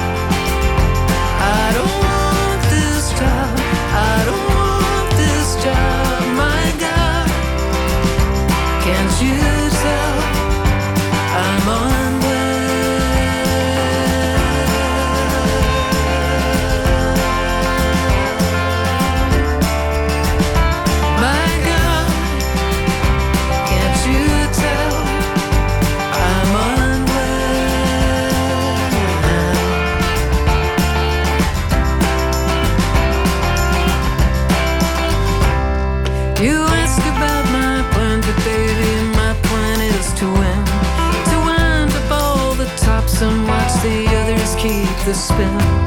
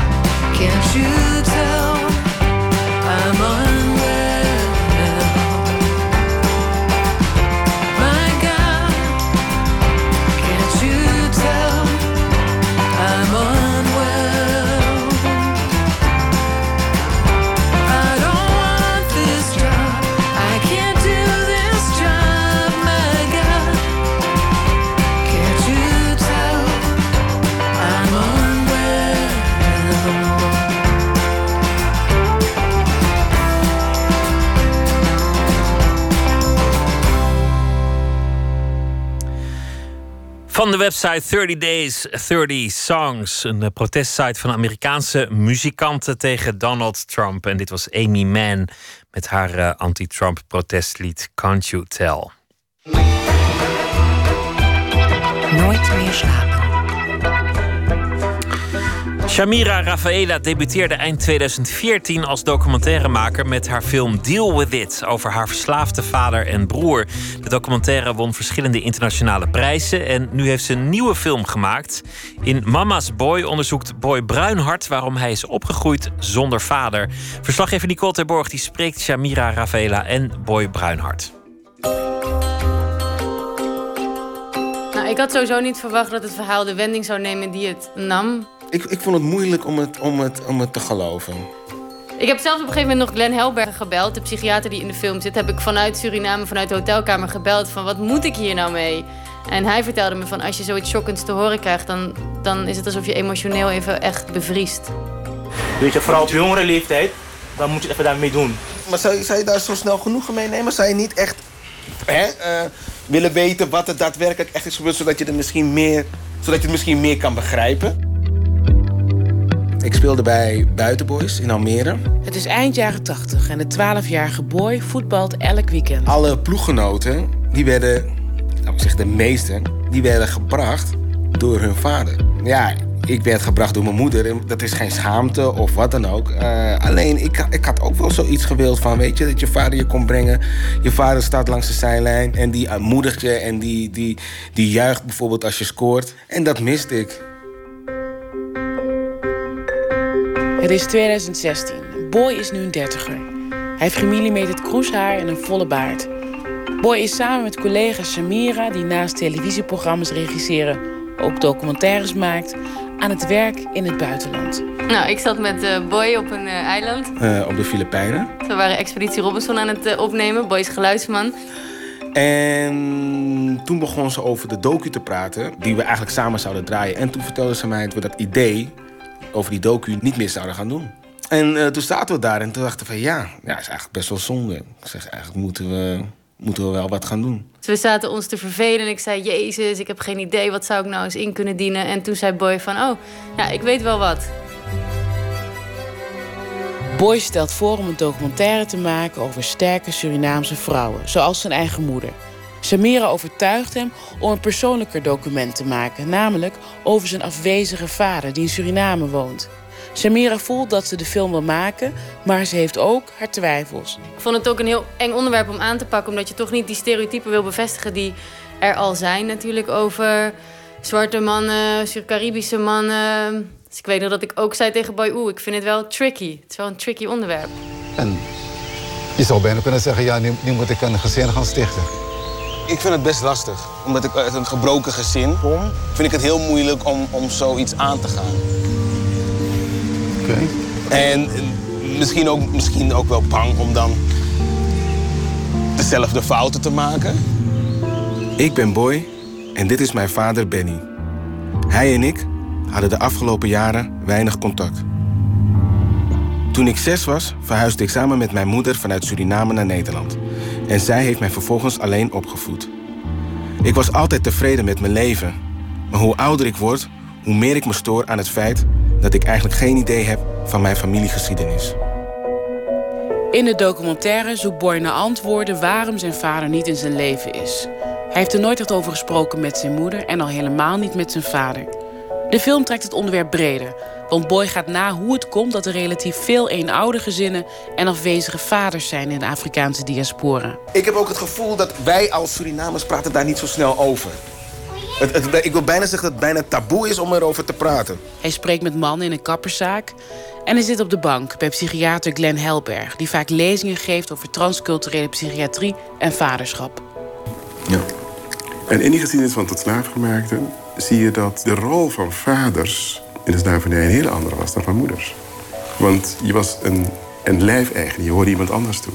Ja, ik vond het belangrijk om in de film ook een context eh, te scheppen eh, van het probleem. Dus daarom zijn we gaan praten met Glenn Helberg, een Caribische psychiater. En hij vertelt eigenlijk ehm, heel duidelijk waar het vandaan komt. En binnen die cultuur zie je dat de vrouwen veel sterker met elkaar ervoor zorgen dat ze hun kinderen konden behouden. Want op een of andere manier kon er iets met die man gebeuren. Want die man was de concurrent van de witte man. Glenn Helberg vertelt hoe zwarte mannen en vrouwen geen gezinnen mochten vormen en hoe mannen als dekhengsten werden gebruikt door de plantage-eigenaren. Boy kan zich wel vinden in deze verklaring. En tegelijkertijd gelooft hij dat er nu ook zoiets bestaat als eigen verantwoordelijkheid. Het is pijnlijk om te horen dat mijn mensen nog steeds littekens dragen uit het verleden. Maar tegelijkertijd is het geen vrijbrief. Er is ook nog zoiets als eigen verantwoordelijkheid. En dus ben ik onderweg naar mijn vader om hem te confronteren met zijn keuzes. Hallo. Pa? Ben er hoor. Wat een verrassing. Verrassing hè? Ja. Ja. Kom maar door, jongen. Ja. Op een veranda in Paramaribo omhelst Boy zijn vader. Hij heeft prangende vragen en zal iets ontdekken dat hem zeer verrast. Ja, lekker, lekker, lekker. Goed? Nou, ik had sowieso niet verwacht dat het verhaal de wending zou nemen die het nam. Tegen de tijd dat wij in Suriname kwamen en met zijn vader praten, eh, bleek het verhaal ook tot mijn grote verrassing heel anders te zijn dan wat wij eigenlijk al die tijd gedacht hadden. Eh, dus dan moet je als regisseur in één keer omschakelen en in één keer een soort nieuwe verhaallijn inzetten, zeg maar. Dat is makkelijker te doen als het een fictiefilm is. Maar ik moest ook nog dealen met Boy, die ook soort van ehm, compleet in shock was van wat hij gehoord had. Ik, ik ben sowieso heel loyaal naar mijn moeder toe, omdat ik door haar ben opgevoed. En eh, wat hij dus eigenlijk die dag vertelde, dat ging er bij mij niet in. Dus ik naar die chauffeur toe. Toen zei hij tegen, tegen mij van... Die jongen is weg. Zat je in een vliegtuig. Voor mij is het ontvoering. Boy nam het zijn vader altijd kwalijk dat hij niet samen met zijn moeder meeging toen ze naar Nederland emigreerden. En nu hoort hij van zijn vader dat hij als kind door haar ontvoerd is. Hij is zo in shock dat hij er niet over wil praten met regisseur Shamira. Dus toen heb ik eigenlijk stiekem, ik weet niet eens of Boy dat weet, achter Boy's rug om eh, tegen de cameraman en de geluidsman gezegd van oké, wij als wij terugkomen in het hotel gaan wij die camera op een statief zetten en dan gaan we hem confronteren. En eh, ja, dat wist jij niet eens eigenlijk, dat ik dat toen van plan was. En hij zei nog, waarom moeten al die spullen uit de auto? We, ra- we gaan morgen toch weer filmen, waarom moet dat statief mee? Ik weet gewoon niet zo goed wat ik moet geloven. Maar dat hele gekit, dat, dat ontvoeren en zo, dat, dat geloof ik niet. Dat, dat geloof ik gewoon eerlijk niet. Het is je vader, waarom zou hij tegen jou liegen? Ja, maar waarom zou mijn moeder tegen me liegen? Ja, toen heb ik hem daar wel mee geconfronteerd, omdat het, iemand moest even tot hem doorprikken van... hey, misschien is het wel gewoon allemaal waar wat je nu hoort. En probeer ook open te staan voor het verhaal wat je vader vertelt. Omdat het natuurlijk logisch is dat hij heel erg loyaal is aan zijn moeder. Ehm, alles, hè, hij heeft al die jaren het verhaal van zijn moeder gehoord en natuurlijk geloofd. Dus het was voor hem even heel erg moeilijk om dan binnen een paar uur je hele wereld op je kop te zien. En eh, ik ben mijn moeder op en eh, ik dacht dat mijn moeder eigenlijk zou gaan lachen. Van, nee boy, is echt niet waar. Hè? Eh, je moet niet geloven wat hij zegt of wat hij vertelt. Maar toen was het heel even stil en toen voelde ik het al. Toen voelde ik van, oké, dus het is wel waar.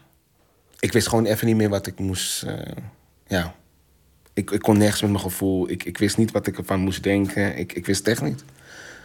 In de knoop.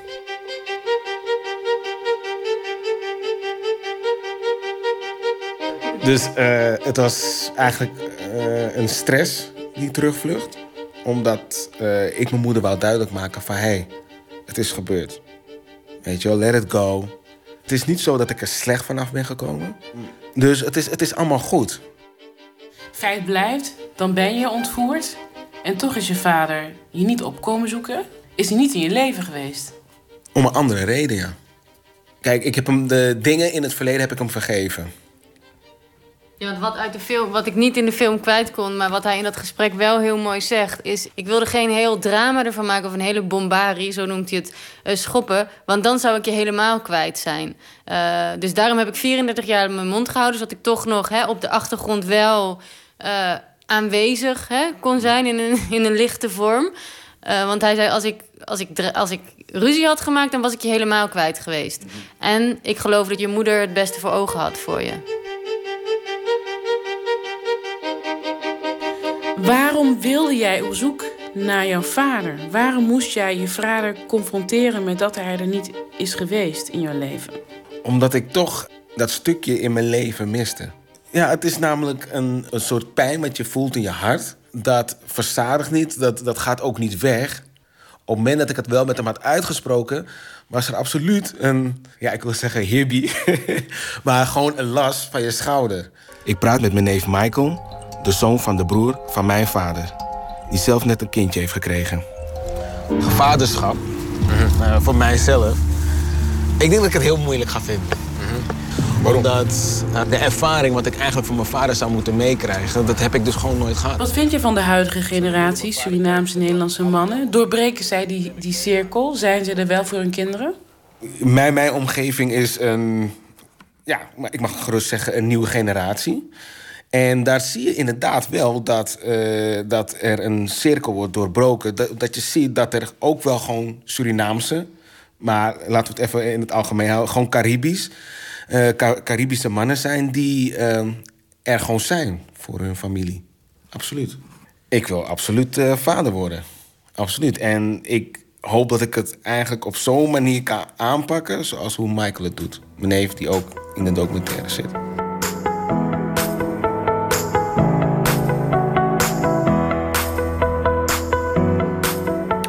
Documentaire Mama's Boy is 23 oktober om kwart over elf 's avonds te zien op NPO 3. Hij vormde jarenlang een duo met Thomas Akda, Paul de Munnik. Akda en de Munnik werden wereldberoemd in Nederland eind jaren 90. Scoorden grote hits. Niet of nooit geweest was de eerste grote hitsingle. Vorig jaar zijn ze uit elkaar gegaan als duo en namen afscheid van het publiek. Zometeen is Paul de Munnik hier te gast naar aanleiding van zijn nieuwe voorstelling en ook het eh, nieuwe album. En dit nummer heet Onderweg.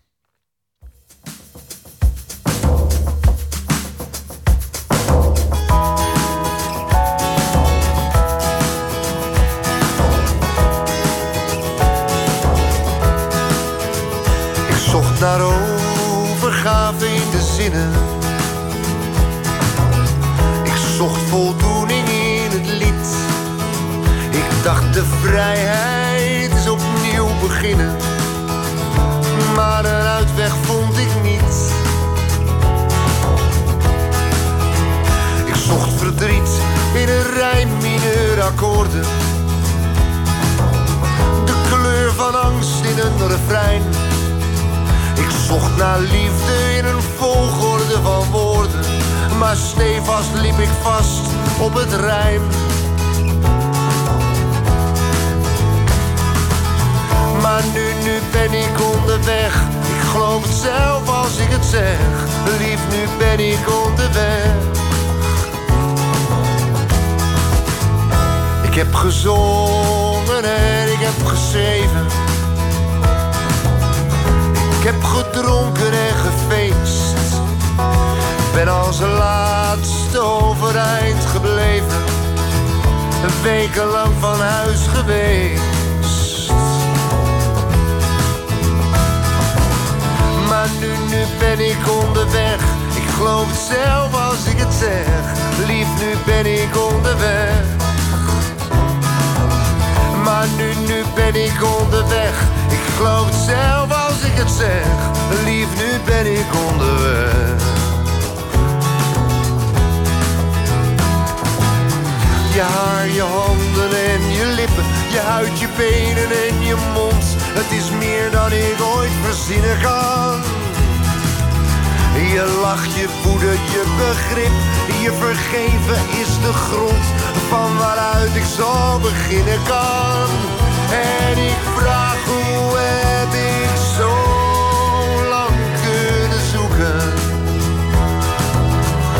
soms het vinden niet genoeg? Maar nu, nu ben ik onderweg. Ik geloof het zelf als ik het zeg. Ik kom eraan. Lief, nu ben ik onderweg. Ik geloof het zelf als ik het zeg. Ik kom eraan en niets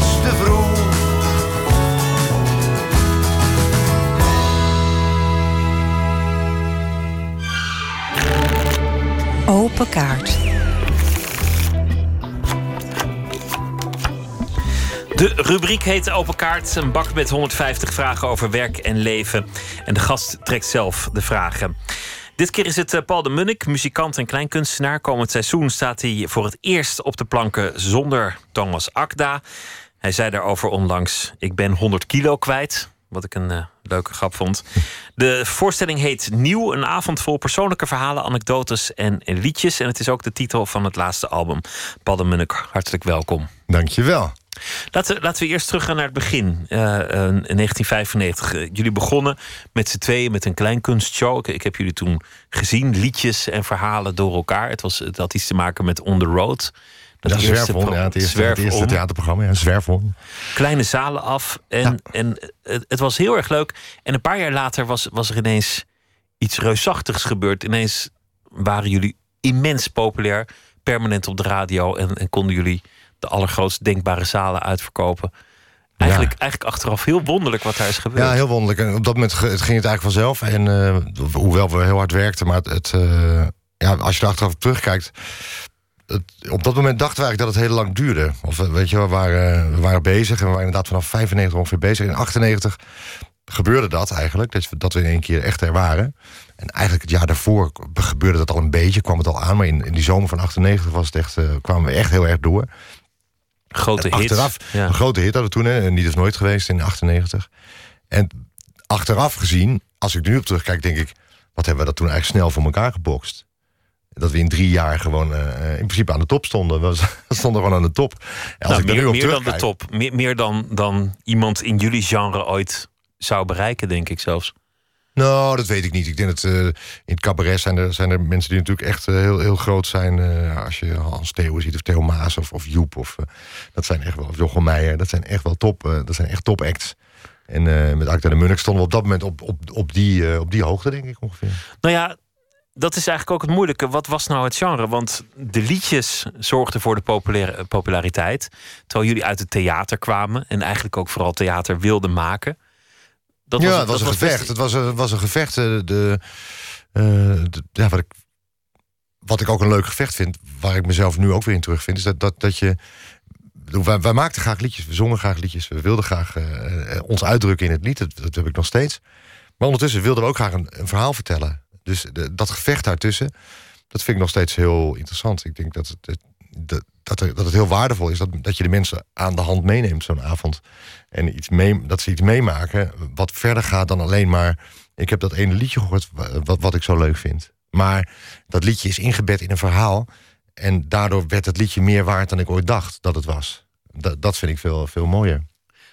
Wat ook een soort theatrale gedachte is. Een, een Ja, juist. ja, we, komen ook, eh, we, we komen ook van het theater. En eh, we, we hebben allebei, Thomas en ik hebben in die tijd eh, theaterschool gedaan. En dat is ook de, de, eerste, de, eerste ingang, was altijd theater. We wilden theater maken. Hoe is dat nu om, om alleen op reis te gaan? Om, om, Verschrikkelijk. eh, Verschrikkelijk. Het is eenzaam. verschrikkelijk. Er is niks meer aan. Nee, het is, het is. Nou ja, ik had het er ik had net over. Ik zeg met iemand. Ik zeg van ja. Kijk, mensen zeggen wel eens van. ehm, is, het, is het nou heel anders? Is het, ben, je nou? Is, ben je nou veranderd? Is, maar het, er is niks anders. Eh, ik doe nog steeds wat we, wat, wat we, wat we met Agda en Munnik ook deden. Dat doe ik nu ook. Je staat op het podium, je vertelt verhalen, je zingt liedjes. Je probeert een avond zo te maken dat mensen op een andere manier de zaal uitlopen dat ze binnen, binnenkwamen. Je probeert iets vorm te geven op theatrale manier. En eh, dus daar is niks aan veranderd. Ik sta nog steeds op die manier op het podium. En, eh, en dat, dat vind ik nog steeds hartstikke leuk. Het is alleen eh, in de kleedkamer anders en het is, eh, de voorbereiding is anders. En ik moet natuurlijk op het podium een ander evenwicht vinden. Want met, met Thomas had ik natuurlijk een natuurlijk evenwicht. Dus als Thomas een grap maakte, kon ik me terugtrekken en eh, vervolgens een lied inzetten. En als ik een verhaal vertelde, kon Thomas ondertussen al op zijn gitaar het lied inzetten. Dus we, hielden elkaar altijd in evenwicht. Nu moet ik dat evenwicht moet ik zelf vinden. Ik kan niet een hele avond alleen maar mooie liedjes zingen. Dat gaat niet. Dus ik moet ook af en toe de lichte kant opzoeken. Ik moet heel erg de, de, de lichte kant van mezelf zien te vinden, omdat het, dat, het niet, dat, het niet, dat het maar niet te zwaar wordt. Heb je daarover nagedacht? Van, van hoe ga ik dit doen alleen? Of, of, of misschien geprobeerd om toch een band te verzamelen of, of andere mensen te verzamelen? Nou, Hoe ik heb in eerste instantie wel gedacht toen ik. eh, toen we besloten van. eh, dat, dat het wel mooi geweest was. Toen heb ik natuurlijk ook wel eens gedacht. Ik was toen met een, met een Neil Diamond toertje bezig. Eh, daarnaast, ik, toen, toen speelde ik een tijdje Neil Diamond nummers met een bandje. En toen dacht ik, oh, dat vind ik eigenlijk ook leuk. Voor een band staan en zingen. En toen dacht ik, oh, misschien is dat wel een, is dat wel een manier. Dat ik gewoon met een, met een nieuwe band, met nieuwe muzikanten om me heen, een avond ga maken. Maar toen dacht ik, ja, maar ik wil toch ook een verhaal vertellen. Ik wil ook de mogelijkheid hebben om niet alleen maar aankondigingen te vertellen, maar ook eens gewoon tien minuten te kunnen vertellen. Of op een heel andere manier een nummer. Of alleen in mijn eentje een nummer, of twee nummers, of drie nummers te kunnen spelen. Of zonder alles, maar dan gewoon a cappella. Of... En dan, zit toch je, dan zitten je muzikanten te wachten. En dat vond ik, daar had ik geen zin in. Ik denk, daar moet ik, ik moet rekening gaan houden met muzikant. En ik ben ook op het punt gekomen, ik was eh, op dat moment eh, 44, ik werd 45. Ik was op het punt dat ik dacht van ja, maar ik wil ook nu gewoon eens een keer geen rekening houden met, eh, met andere mensen. Ik ga gewoon doen hoe ik het wil. Moederziel alleen op het podium en, en dan een avond vullen, een verhaal vertellen en mensen meenemen in, in wat jij hebt bedacht. Ja, dat is, eh, dat is, en dat is heel leuk om te doen. het is geweldig eigenlijk. Laten we beginnen met eh, de kaartenbak. Ja. Hier zijn ze. Ik, eh, wil je Ik vind het reuze spannend. Ja, dat is het ook. Dat is het ook, hè? Ja, je weet nooit wat je krijgt. En, het allemaal, nee, en er zitten allemaal verschillende kleurtjes. Moet ik nog ergens tussen kiezen of kan ik gewoon zomaar wat pakken? Het is de willekeur. Het Pak is gewoon, nee, dat kan ook daar pakken. Ja. Dat maakt niet uit. Maakt niks uit. En geef ik het dan aan jou of moet ik het zelf pakken? Nee, lees maar voor. Ben je bang om oud te worden? Eh, nou, dat is een aardige vraag. Ehm mag ik hem ook meteen beantwoorden, zeker? Ja. Ik ga het niet iets anders nog vragen. Nee. Nee, eh, ik, ben, eh, nee ik ben helemaal niet bang om oud te worden. Ik hoop zelfs eh, oud te worden eigenlijk. En Dat is een beetje een eh, antwoord, maar... nou, vind, vind ik het tamelijk verstandig antwoord. Want je hebt twee opties. Of je wordt oud, of je wordt het niet. Of je wordt het niet. En ik hoop, wel, ik hoop toch wel oud te worden, ja.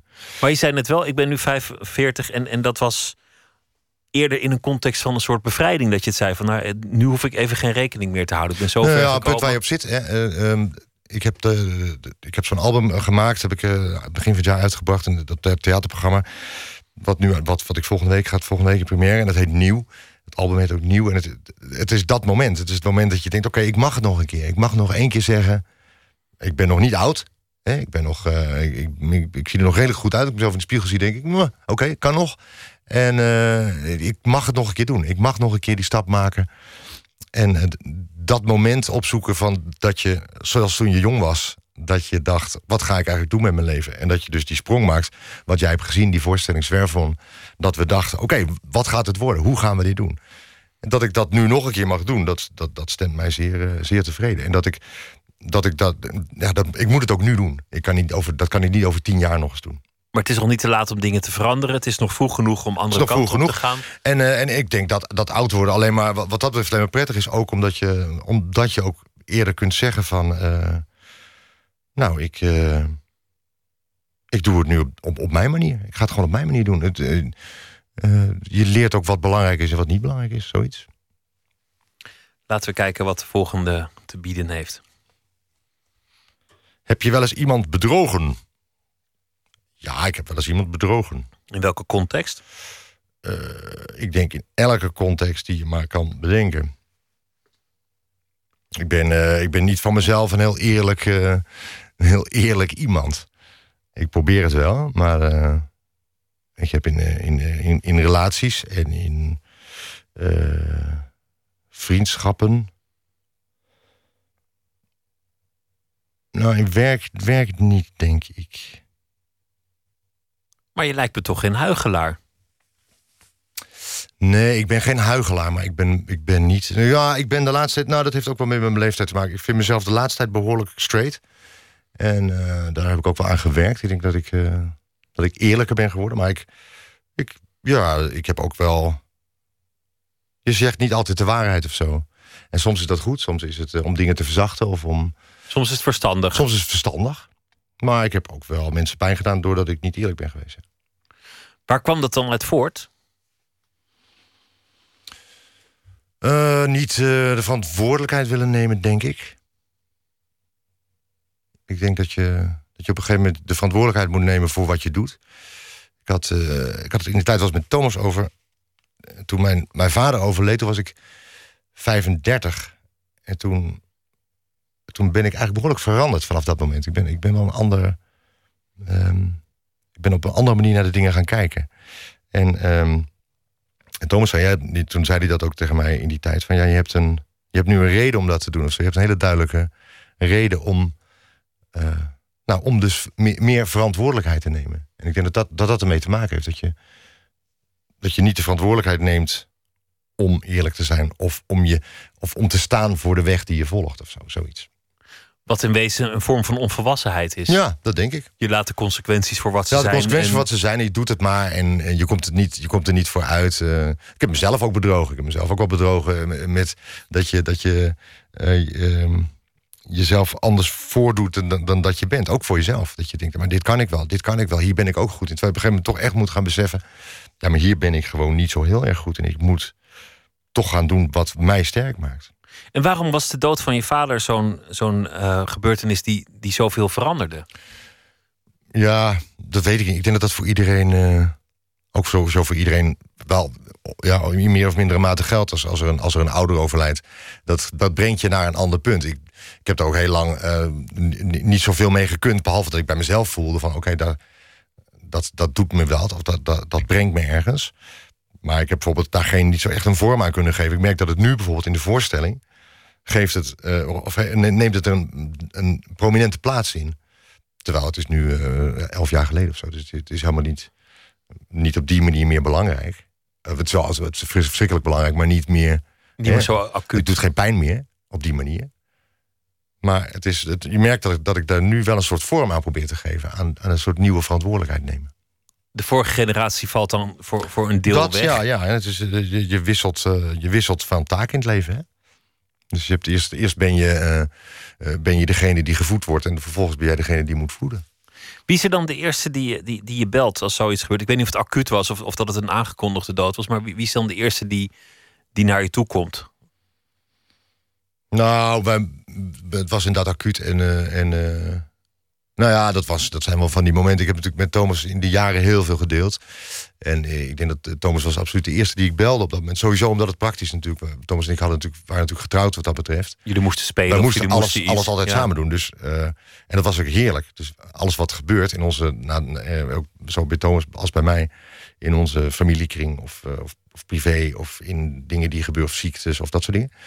Je, je, je belt altijd elkaar. Dus je bent er altijd voor elkaar. Dus je, je, je, je gaat meteen naar elkaar toe. Je zoekt elkaar meteen op, eh, wat dat betreft. Dus Thomas was de eerste die ik belde. Zo hecht waren jullie wel. Ja, ja zeker. En, eh, en, en, en dat is nog steeds zo hoor. Eh, Thomas is in, bij, bij- dat, gaat, dat gaat heen en weer nog steeds zo. Laten we nog eens eh, de willekeur regeren. Kun je tegen kritiek? En dat is een. Eh, ja, eh, op, op, ik, ik denk zelf wel. Maar ik denk dat er ook mensen zijn die zeggen dat ik er helemaal niet tegen kan. Dus eh, ik denk dat ik het zelf wel kan. Ik weet dat mijn vrouw, ehm, eh, eh, dat, dat, die zegt dat, ik dat ik daar niet zo goed in ben. En Thomas zei ook dat ik er niet zo goed in was tegen kritiek. Dat ik niet zo goed tegen kritiek kon. Dus ik ben toch bang dat ik niet zo goed tegen kritiek kan. Als ik heel eerlijk ben. Als ik zelf, ik- als ik mezelf, als ik, als, ik, als ik met jou in de kroeg zou zitten en je zou zeggen: kun je tegen kritiek? zeggen? Ja, tuurlijk. Maar als ik nu heel eerlijk bij mezelf nadenk, waarschijnlijk, als, ik, als dat soort mensen die zo dicht bij mij staan dat zeggen, dan zal dat wel niet zijn.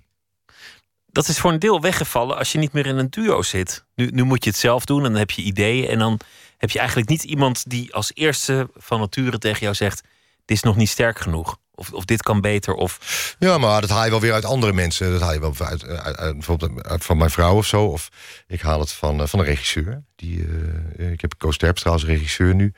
En die is, eh, die is daar behoorlijk eh, eh, ongezouten in. Dus als er iets niet goed is, dan krijg ik hem meteen te horen. En van hem neem je het ook wel aan.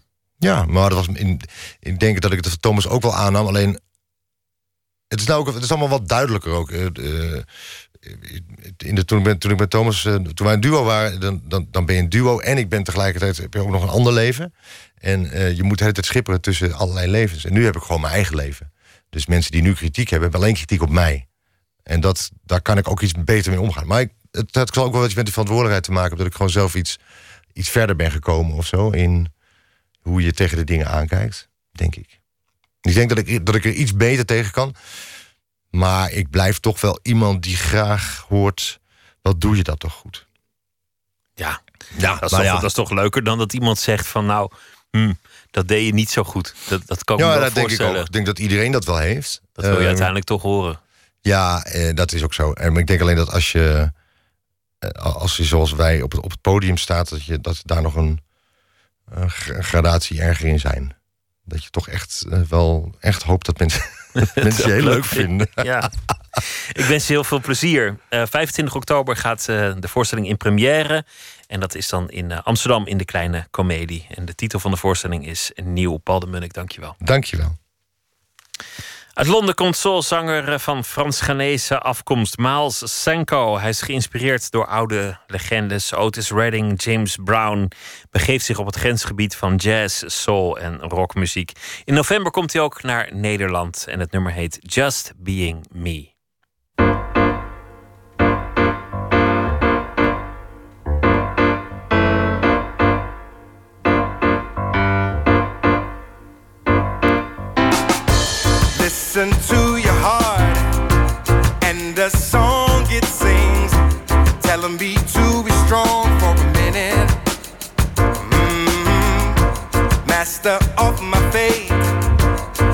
Captain of my soul. I know where I belong for a minute. Yeah, let yourself go, but don't ever change nor apologize for a minute. I'm just being me, me. I'm just being me.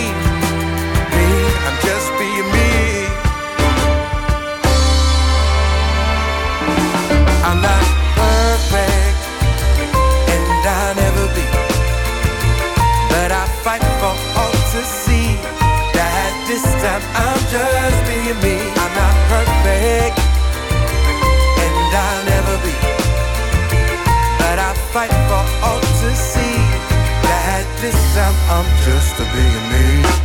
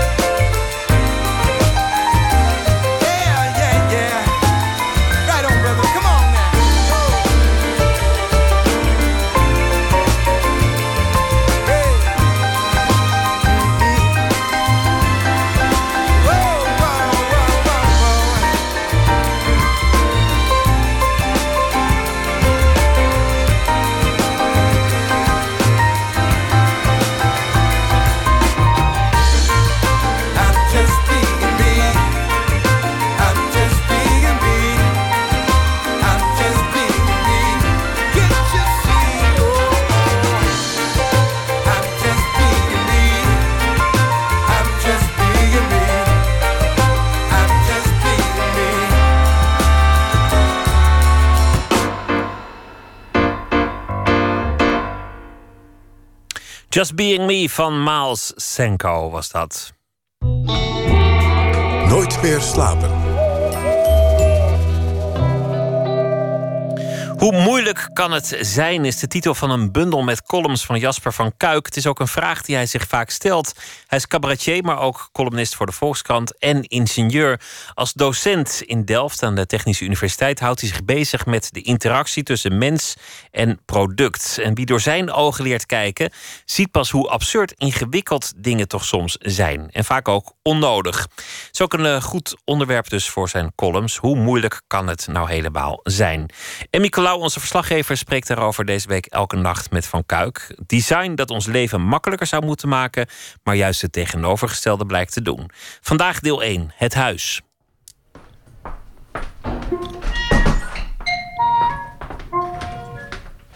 We racen even door mijn huis. Dit is mijn tv. Die wil ik je even laten zien. Dat is gewoon een, gewoon een tv. Maar dan heb ik hieronder heb ik een kastje. En dan heb ik... eh, ze zijn natuurlijk kwijt. Maar hier, ik heb een soort van... eh, Ja. ja, vier, dit zijn er drie, maar eigenlijk zijn het er vier afstandsbedieningen. En de een is voor het kastje van de kabelmaatschappij. Eén is voor de tv. En dan hebben we nog iets waarmee je internet kan streamen naar de tv. Nee, jij zegt dit is mijn tv, maar dat is helemaal niet je tv. Hoezo niet? Nee, het is de display van een ecosysteem voor audiovisuele weergave. Maar het lijkt een beetje een oerwoud, dat ecosysteem. En dan een oerwoud zonder logica.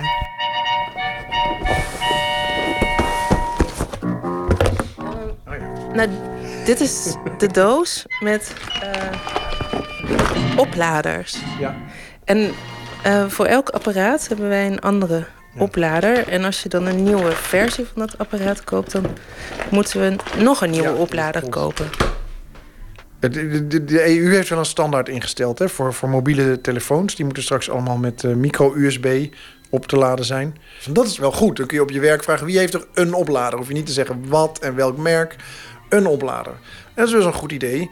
Alleen als je dan USB, micro-USB kiest, dan kies je best wel een oude standaard. En dan verplicht je iedereen om die te volgen. Terwijl er komt al een opvolger aan, USB-C. En daar heb je ook een mobiele versie van. En die is klein en symmetrisch. Dus Dus op het moment dat de wetgeving goed geregeld is, is de techniek eigenlijk alweer 100 jaar verder. Ja, de wetgeving eh, over, over standaardisatie zorgt ervoor dat, dat alles afgestemd kan worden tussen apparaten. Maar het slaat innovatie eigenlijk een beetje dood. Want iemand met een nieuwe oplossing, die wordt dan verplicht om de oude oplossing te leveren.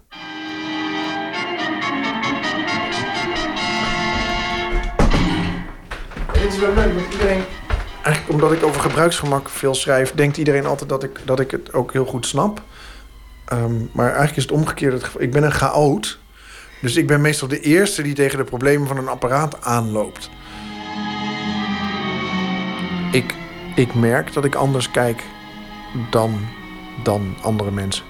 En dat, dat, dat begint al bij die studie die je gaat doen, waardoor je eh, objecten gaat zien de rol die ze hebben. Wij- Wij, moeten goed met objecten kunnen interacteren, maar objecten beïnvloeden ons ook. Het is heel bepalend, de dingen om ons heen zijn heel bepalend voor hoe we eh, ons leven leiden. Ehm, dus niet alleen marketing stuurt ons, maar ook een product kan je net verleiden om iets wel te doen of niet. Je kunt een elektrische fiets kopen en dan kun je zeggen, dat is een hele moeilijke. Want dan zeggen ouderen, zeg nou, ik heb een elektrische fiets, dus nu blijf ik fietsen. Maar gaan ze nou minder fietsen, omdat ze zelf minder inspanning leveren? Of gaan ze nou meer fietsen? Als ze een gewone fiets hadden gehad, zouden ze dan niet meer inspanning hebben blijven leveren? Terwijl op die leeftijd is inspanning heel belangrijk voor je, want dat houdt je fit. Terwijl aan de andere kant kan het ook gewoon te vermoeiend zijn. Ja, dat zijn vragen die ik gewoon bij elk nieuw product begin mijn hoofd gewoon te malen. Dat ik denk, wat heeft het voor consequenties? Waarom, hoe steken ze het in? Wat is het businessmodel erachter? Waar wordt het eigenlijk geproduceerd? Oh, oh, er worden weer producten nu in Europa geproduceerd... omdat China qua arbeid te duur wordt en we hebben robots hier. Ja, dat soort dingen. Je ziet gewoon het hele systeem dat we hebben om producten te maken.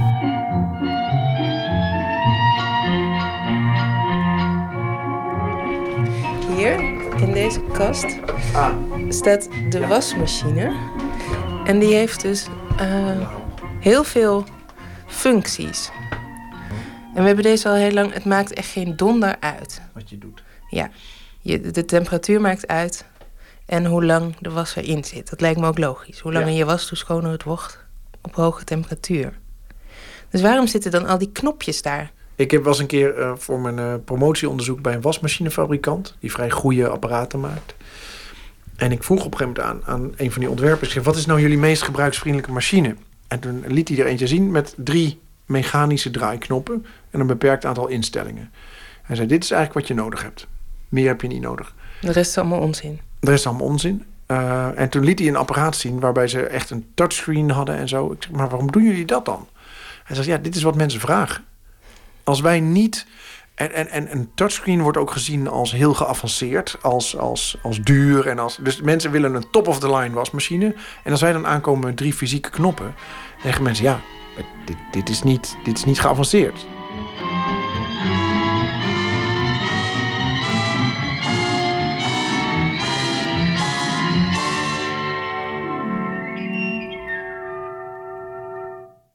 Hoe moeilijk kan het zijn, heet de bundel van Jasper van Kuik. Morgen het tweede deel in deze serie. En dan gaat het over het station.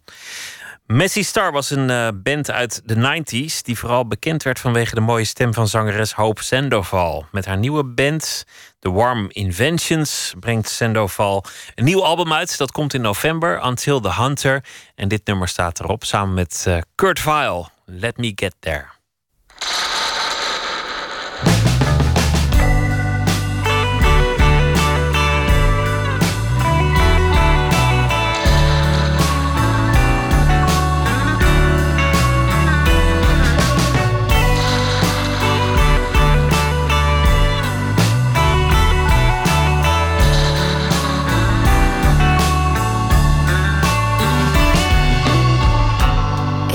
Always a story.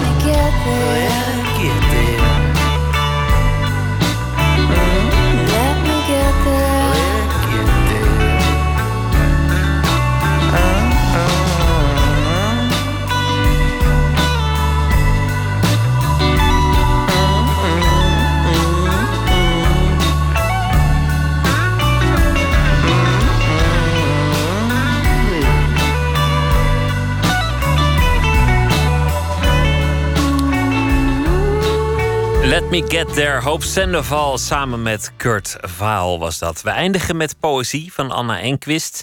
Psychoanalytica, pianiste, schrijfster en dichter. In 1991 maakte ze haar eerste bundel, Soldatenliederen. Haar laatste bundel is vorig jaar verschenen, Hoor de Stad. Gedichten over Amsterdam, een stad die ze jarenlang liever meet. Anna Enquist zal deze week elke nacht een gedicht voordragen en toelichten. En vannacht is dat geworden het gedicht Om een keer.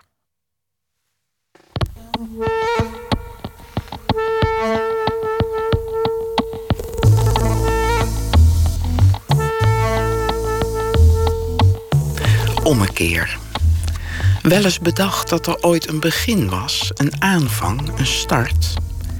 Iemand nam een spade en keek naar de klerk met het meetlint, de broek van fluweel.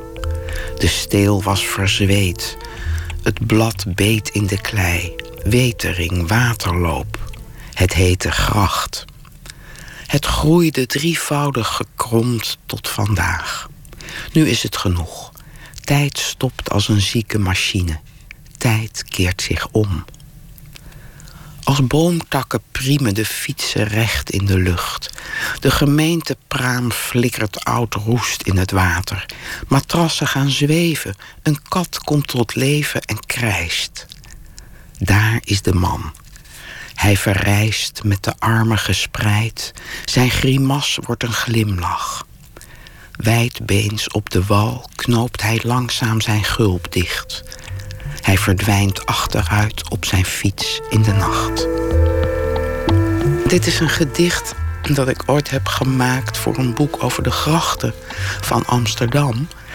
In die periode dat ik dat verzoek kreeg, was het net gebeurd dat uh, de zoon van een, vroegere vriendin van mij verdwenen was. En uh, na een tijdje is hij gevonden en het bleek dat hij uh, s'nachts in de gracht gevallen was. En dat is iets wat in Amsterdam best vaak voorkomt. Als mensen dan te veel gedronken hebben en ze moeten plassen, dan gaan ze in de gracht plassen. En ja, als ze wat wankelen en omvallen, dan vallen ze in het water en kunnen zichzelf niet meer redden. Nou ja, dat was natuurlijk een enorme drama. En ja, ik heb dat in dat gedicht eigenlijk de gebeurtenis omgekeerd je ziet in Amsterdam wel eens van die uh, gemeenteboten varen... die dan oude fietsen uit het water halen... en wat mensen daar allemaal in mieteren. Hebben wat terrassen en oud huisraad. En dus ik draai het in het gedicht ook om... dat dat die uh, gemeentepraam die boel juist in het water uh, gaat. En dat in de omkering alles uit zichzelf opstijgt uit het water. En dat zo'n verdronken kat ook ineens weer gaat leven. En dat uiteindelijk ook die jongen, die man, uh, het water uitkomt. en dat je hem op de kant ziet staan. En dat hij nou ja, vrolijk op zijn fiets terug de nacht ingaat. Dus het is eigenlijk een soort goedmaakgedicht. Wat helemaal niet kan natuurlijk. Maar nou ja, die gedachte zat erachter.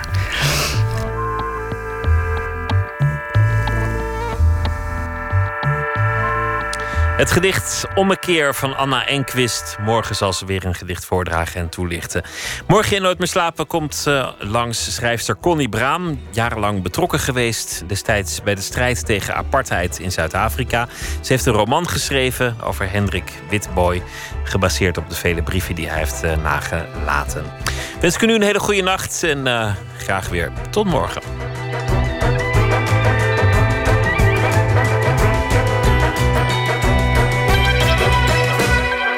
Radio 1, het nieuws van alle kanten.